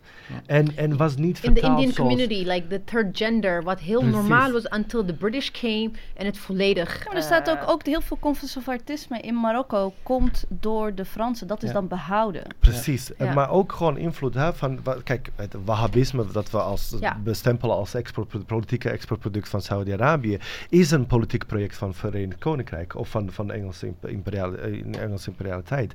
Uh, als je kijkt naar Zuid-Azië, um, de antisodomiewetten, mhm. dat zijn zogenaamde Mhm. Anglo-Mohammedan-laws. Dat zijn Mhm. de legal Frankensteins die gecreëerd zijn als, als een soort van uiting, als een soort van politieke manipulatie van de, van de Engelsen. Dus er zijn zoveel dingen. En wat er nu is, een van de postcoloniality go, go, go- went wrong in certain senses. Um, als je kijkt naar anti-homo of anti-queer teksten vanuit een soort van moslim-achtergrond of moslim-geïnspireerde schrijvers, die zijn pas in de jaren 60 en 70 heel actief geweest. Waarom? Als reactie op het Westen. Dus een soort van hele Ja, ja. sterke associatie van gay movement, gay liberation movement in het Westen. Ehm, eh, en toen werd er voor het eerst gesproken over een moslim hoort dat af te te- keuren. Hmm. En dat is onderdeel van onze religieuze identiteit geworden. Maar omdat moslims natuurlijk in verschillende landen wonen, is het heel erg doorgecijpeld naar onze nationale identiteiten. Ja. Dus we kunnen dan ook niet het factor van ehm nazistaten niet ontkennen. Mm. Ja. Hoeveel van onze landen zijn eigenlijk gecreëerd op een napkin door een of andere politician, weet je wel, van dit Ja. zijn de grenzen. Als je naar onze grenzen Ja. kijkt. Letterlijk tijdens de congres in 1880. Precies. De. Berlin precies. Conference was dat ook, of En niet? dat, en dat heeft zoveel invloed gehad op hoe we ons als eh, onze nationale identiteiten. Dus inderdaad, Ja. ik kan me helemaal goed voorstellen, want dat doen Bosniërs ook. Een echte Bosniër Doet, dit, ja. de- accepteert dat niet. Dat Ja. is onderdeel van je nationale En, identiteit. en daarom vind ik heel belangrijk dat we, dat in ieder geval waar ik nu met Holden bezig ben, over die, ehm, de his Somali queer history, of hoe we het ook gaan noemen, weten we, maar we zijn ermee bezig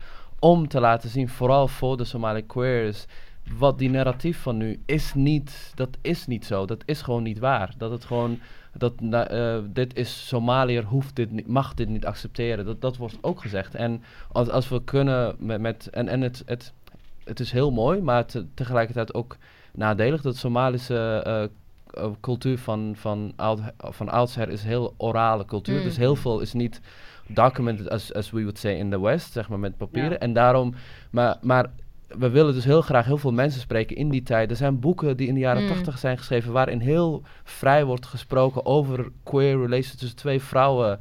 En, en dus die dingen willen we graag documenten en die mensen spreken, zodat het vooral voor queer mensen, eh Somalische queers, dat ze zien van, hé, hey, mijn cultuur is niet eh homofoob, mijn cultuur is niet die tegen mij, dit is iets wat van wat is veel nieuw meer. is. Er is veel meer en dat zij dan daarin ehm, verster- versterking of in ieder geval eh, kunnen vinden en tegelijkertijd ook voor die eh conservative Soma Somali's dat ze kunnen zien, nee, dit kun je niet ontkennen, dit Ja, is, dit zijn wij ook. Heel mooi. Dit zijn we ook. Prachtig. En ik denk, ik, ik hoop dat jullie ontzettend ons willen helpen voor onze nieuwsbrief. Met, met eh, of jullie al links, artikelen Ja, ja. Eh, hebben. Die Ja. we dus, hè, dat, dat mensen dit kunnen lezen, kunnen horen, er- er- erover kunnen nadenken. Ik denk dat dat Ja. ontzettend Ja. belangrijk is. Ja, iets wel heel even iets wat ik wilde zeggen over, volgens mij had Mariam of eh, Dino over ehm, ehm, die intersecties. Dus het feit dat wij nu op deze, in deze show zijn, is heel belangrijk. Want er zijn luisteraars van jullie die ehm, helemaal geen ehm, die moslim zijn, of die in ieder geval geen eh, connectie hebben met queer zijn. Het is belangrijk dat als je in een queer eh, ehm, eh, bijeenkomst bent, dat je ook ehm, anti-blackness en racism aankaart. Dus, dus dat, en ook eh, de anti-Zwarte Piet bijvoorbeeld, dat ze heel erg nu Nao- Naomi naar voren schuift, zodat daarin ook, zo, zodat Representatie representatie in alle, ehm, in alle hoeken waar we zelf mee bezig zijn, is zodat het voor iedereen ja, zodat gewoon die intersectionaliteit heel erg erin zit overal. Zodat niet een moslim iemand eh, eh, die dan anti die racisme meemaakt, niet het gevoel heeft van, oh, hier kan ik niet zijn. Of, of andersom, ja. Dus dat is iets wat eh, denk ik wel, ook dank je wel dat jullie wel ook hier zijn, zeg maar. Oh, dankjewel voor helpt, eh, luisteren en ons tips geven ja. altijd en feedback. Ja. Eh, Fijn dat jullie hier ja, zijn. Anousha, je had eh, één vraag. Eh, dat was, dat, die, die ga ik even stellen, want we moeten een beetje gaan afronden, want it's taking a long time. Eh, de vraag was, wat willen jullie jonge mensen die nog niet klaar zijn om uit de kast te komen meegeven? Queer POC Niks. Niks? Oké. Niks, sorry. Oké. Dan belanden we weer in dat, in mijn Nee. optiek, eh, Ja, ja, Ahmed, ja, je, moet, ja. eh, je moet het zelf even Ja. beantwoorden, maar ehm, normativiteit. Ah, ja. Uit de Mhm. kast komen. Ja. Neoliberaal, westers, wit concept. Kap Ja. ermee. I, I would say Helder. visibility management. Jij bepaalt zelf Ja. in hoeverre, aan wie, waar je zichtbaar bent en so-called uit de kast bent. Ja. Maar ik vind het wel belangrijk om te, om te mogen zeggen, dan Dina, als ik dat mag, Tuurlijk. dat Maroef is een welkome, een welkome en veilige plek. Ook als je, want dat, dat vond ik heel mooi wat ik in een interview las met jou, dat als iemand daar komt, maar buiten Maroef liever niet hallo tegen jou wil zeggen of niet geassocieerd wil worden met Maroef, Ja. is iemand welkom. Exact. En ik Ja. vind het Ja. zo belangrijk om te zeggen tegen luisteraars, als je inderdaad, ik, ben, heel- vind het heel mooi wat je zegt, Ja. maar je mag je moet wel naar Maroef toe gaan. En ook vind ik denk ik belangrijk voor oudere mensen, die Ja. misschien ook al jaren helemaal Precies. vastzitten. Mhm. En misschien wel, dan wel veilig zijn en welkom zijn bij Maroef. Ook al zijn ze daar buiten, hebben ze een totaal andere Ja, manier precies. van zich uit. Soms zeggen ze ook hun naam niet. Ja. En Oké, that's ja. completely okay. Na- naam, leeftijd, whatever. Je komt een keertje of twee keertjes, drie maanden, whatever. Maar jij bepaalt alles. Zelfs Ja. in, de, in de safe spaces, jij bepaalt hoe je Ja. jezelf noemt. En wat ik daaraan, ik search for sense of community. Iets Mm. waar, waar je je prettig bij voelt. Ik ken bijvoorbeeld ook eh, Prisma Groep en die zijn eh, ook voor bi eh, biculturele. En, en dus, dus probeer die plekken te vinden waar je sense of community kunt vinden. En, en je daarin je eigen plek kunt creëren. En eh, ja, ja, ja, dat. Mooi, dankjewel. Nou, ik, echt, ik wil jullie zo ontzettend bedanken voor dit eh, prachtige, mooie, intense gesprek. En Marjam ook. Zo fijn dat we dit onderwerp hebben, waar wij het natuurlijk ook met elkaar zo vaak over hebben gehad, dat we iets meer de diepte in konden. Niet genoeg. Dus ik hoop echt dat jullie, eh, dat jullie eh, samen of met, met, met andere mensen nog bij ons terugkomen of alleen. Heerlijk. En ehm, ja, dan gaan wij nu naar, ja, ja, ja, met even DDD's? wat zin in. De DDD's. Ahmed wil echt, die, zit echt, die is helemaal klaar voor de DDD's. Want we Ja. hoorden inderdaad via wisten dat jij er helemaal klaar voor bent, Ahmed. Dus Ja. eh, hier zijn ze. Ja. Jullie moeten samen beslissen met wie jullie wat gaan doen. Met wie gaan jullie dansen? Met wie gaan jullie drinken? En met wie gaan jullie dipsausen? Nou, dansen, drinken, dat lijkt me duidelijk. Dipsausen is eigenlijk wat we hier doen, maar dan ook via de app, via Twitter, via filmpjes, via Instagram. Continu met elkaar in gesprek. Of het dan gaat over wat je net hebt gekocht, of welk boek je wil lezen. Of Hm. over wie je heel erg irritant vindt, of hoe Ja. je metro eruit zag. Ja. Wat wil je met elkaar zo delen? En jullie moeten samen dus beslissen. Samen, oké, oké. Helemaal samen, toch? Ja, echt. ja. Nou, de, I'm dancing on my own. de, de human beings die wij voor jullie hebben uitgekozen zijn... Paul de Leeuw, Their faces! RuPaul... Oké. ja, en Lady Gaga. Dus met wie gaan jullie wat doen? Oh my god. Oh. Met Lady Gaga wil ik niks doen eigenlijk. Oh. Ja. Ik, ja. En jullie gedachteproces is net belangrijk Ja, ja, ik, ik, Is er eh, echt geen vierde optie? Nee, nee, nee. nee. Ehm, ehm, ik, d- er zijn wel heel veel. Als ik aan iemand heel veel vragen heb, dan is dat wel. ehm eh, Paul, wat was de eerste? Paul de Leeuw? Paul de Leeuw. Paul de Leeuw. Paul de Leeuw, want, want ehm, hij, ja, ik zag oude filmpjes waarin hij Zwarte Piet verdedigde, maar hij voert nu zwarte kinderen op. En, dus er zijn heel veel dingen wat ik aan hem zou willen vragen, hoe hij nu, dus, dus eh, misschien dan met hem eh drankje doen of tips, I don't know, ik weet het niet. Eh, ik vind als het- ik alleen het drankje in zijn gezicht zou kunnen gooien, dan prima. Vooral omdat hij, vooral Dat omdat hij bij Linda Luomo, eh, whatever, Ja. zei dat eh, voornamelijk het misgaat met homo-emancipatie in Nederland door moslims. Oh, Dus oké. no Oh, drinks wow. with him. Although. I was in his program, he was very supportive of Chechenian gays that were detained. Eh, maar Maar dat is dan ook weer vanuit eh Saviors jullie iets met hem doen, hè? Ik zou... Eh. Dra- maar drankje, drankje in het gezicht dan- vind ik Ja. een hele prima optie. prima. Ja, Ja. oké, prima. Doe, doe ik mee. Doe ik mee. Oké. RuPaul. dan hebben we Ehm, RuPaul eh. en Lady Gaga. Dan dipsaus met RuPaul dan of zo? Ja, ik Ja. zou dipsausen met roepen. Ja, en dan ja, met Lady Gaga wil ik eigenlijk niks doen, to be honest. Maar, Oh, dansen kan eh? Maar ja, maar dan haar- dansen maar. kunnen haar uitlachen als zij danst. Ja, Ja. zoiets dan. Want ze kan niet dansen. Ze kan niet dansen. I've been to her concert. Ja, Ze kan niet dansen. Maar dan, om Ja. te laten zien hoe het ja hoe het Ja. I'm voguing in Ja. Orient, going Orientalism. Ja, maar also, ik wil er wel iets Belly dancing meegeven aan ja. onze gasten. Ja. I mean, bereid je voor voordat je naar Dipsaus komt. Ja. Want there was only van, we hebben vier seizoenen Ja. vol met gasten. There's Ja. only one person die zei, yeah, what, what did he say? He said, children, you have a choice. Je hoeft Ja. ook niks te doen. nou, Steve, Nee, ze moesten kiezen. Steve McQueen was like, Ja, no, dat- no, ah, no, maar dat- zei hij. ja, Hij maar doet niet mee, zei hij. Ja, mag ik jullie wel vragen over Ja. RuPaul? Want eh, ik zag jullie, aan jullie, hè, dat zien de luisteraars niet, maar jullie Ja. gezichten, jullie ke- keken niet meteen helemaal blij en vrolijk. Nee. Oh ja, RuPaul. Nee, nee, ik, ik ka- volg die drag race niet. En hij is trans... Hij heeft, eh, ik denk dat zijn pronouns hij en hem Ja. zijn. Hij is heel veel transfobe dingen gezegd. Wat gewoon is omdat hij misschien oud is. Dat weet ik wel zeker dat daarmee te maken zou kunnen hebben. Maar het is, not a, het is geen eh, getaway, eh, zeg maar. Een, een Maar het gaat toch ook over hoe die m- eh, Hoe- met, met zwarte trans Ja, mensen ja. omgaat. Ja, het is Ja. heel erg problematisch. Ja, en, en, En- en, en RuPaul is echt een teken van eh, wat je krijgt als je zelfs... RuPaul was in de jaren tachtig met Lady Bunny the thing in New York. En, Mm. en hoe kan iemand die een van de pilaren was van de queer scene in New York... Ja. Hoe kan zo iemand belanden, zeg maar, na 30 jaar in de positie dat hij gewoon opmerkingen maakt die echt niet door de Mm. regel kunnen. Ja. Dus ik zou wel met hem willen praten van, hey, hoe was het vroeger? ja. Mm. Uh, maar hoe die standaarden nu wel veranderen. En Ja. dat hij gewoon eigenlijk Ja, gewoon op moet ook. upgraden. Maar dat is ook een gesprek, dat hij niet to upgrade his fucking um, Ja. way of thinking. En, sowieso niet, niet ten nadelen met, eh, weet je wel, in het verleden wat hij allemaal mee heeft gemaakt. Wat, ze hebben wat hij gedaan heeft voor de community. Echt heel veel respect en heel veel. Dus dat is niet om te shaden of wat dan ook, maar het is gewoon heel erg. Oké. Nee, het heeft ook zo'n groot podium op dit Hm. moment. En, en ja. Ja. dus dan Ja. heb je echt, ja. Oké. Dank jullie wel, lieve Ahmed. Ahmed. Ja, heel goed. Ha! Middel. En Dino, echt dank jullie wel voor jullie komst, jullie Ja. tijd. Ja, dank jullie wel. En, en het is om zondag, in, in principe your, een vrije dag. Het like also, Ja. let's a Christian construct. Hè? Ah, On the seventh day, God rested. de vrijdag wel van de christenen. vroeg naar de kerk. Ja, je Ja. moest wel naar. Oh, ja. Nou, Ja. staat niet in de, in de, in de kerk. In de, volgens mij staat niet in de Bijbel dat je per se naar de kerk Kijk, moet. en maar daarom doen moslims gewoon op vrijdag in de Oh. middag rond 1 heb je uitgeslapen. Ga je nog even wat eten. Boodschapjes doen. Boodschapjes Juma. doen. Ja. Wat ik nog heel even wil Nee, noemen nee, voor nee, moslims die luisteren.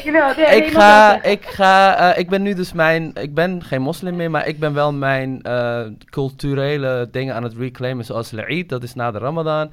En ik ga dit jaar een L'Eid bijeenkomst organiseren voor queers, maar ook voor, ik ken ook Somalische vrouwen die niet met hun familie, dus zoals wat Mariam zei, anderen die ook, om wat voor reden dan ook niet bij hun familie willen zijn.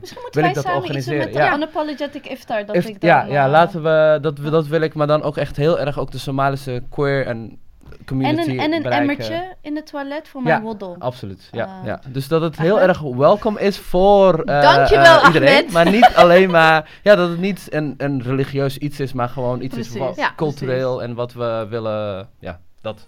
Thank Mooi. you. Thank you. Thank you ook Mariam, onze technicus. Oh, ja, Ja. graag gedaan. Yes. En- en we hebben- Mariam. Ja, en we hebben nu over twee weken is onze alle, alle, allerliefste dipsauser Anousha weer echt de live studio. in de studio. Dan ben ik er weer bij. Ik heb er nu al ontzettend veel zin in. Nou, nogmaals, lieve, lieve Dipsaus luisteraars, vergeet je niet te abonneren op onze fantastische nieuwsbrief. En nu kan je ook tickets en boeken winnen voor geweldige Beale Street Good Talk. Ik heb alleen maar gehuild. Ik heb nog nooit zoveel gehuild als Oh. tijdens die film. Oh my God. Oh, je hebt hem al gezien, ja. Uh, Oké. Dus ehm, ja, abonneer je. Blijf op de hoogte. We hebben super interessante nieuwsbrieven. We gaan nu ook weer nou, na dit gesprek. Het worden geweldige links. Kan je vast wat bij voorstellen. En blijf onze site checken. Er zijn nog steeds mooie artikelen op. En er komt meer. dipsaus.org. En nogmaals, mail ons. Welke gast zie je helemaal voor ons, voor je bij ons in de studio? Welk onderwerp heeft veel meer of juist dipsaus nodig? Laat het ons weten. Mail ons naar dipsauspodcast.gmail.com. Tips, tops en liefdesbrieven zijn ook van harte welkom. Dus laat van je horen. Dag lieve dipsausers. Bye. Dag lieve gasten. Dag mama. Bye. Doei. Yes! Oh my god. En we willen onze sponsoren en partners bedanken bij Dag en Nacht Media en Revue, waar je onze nieuwsbrief kan checken. Dank jullie wel.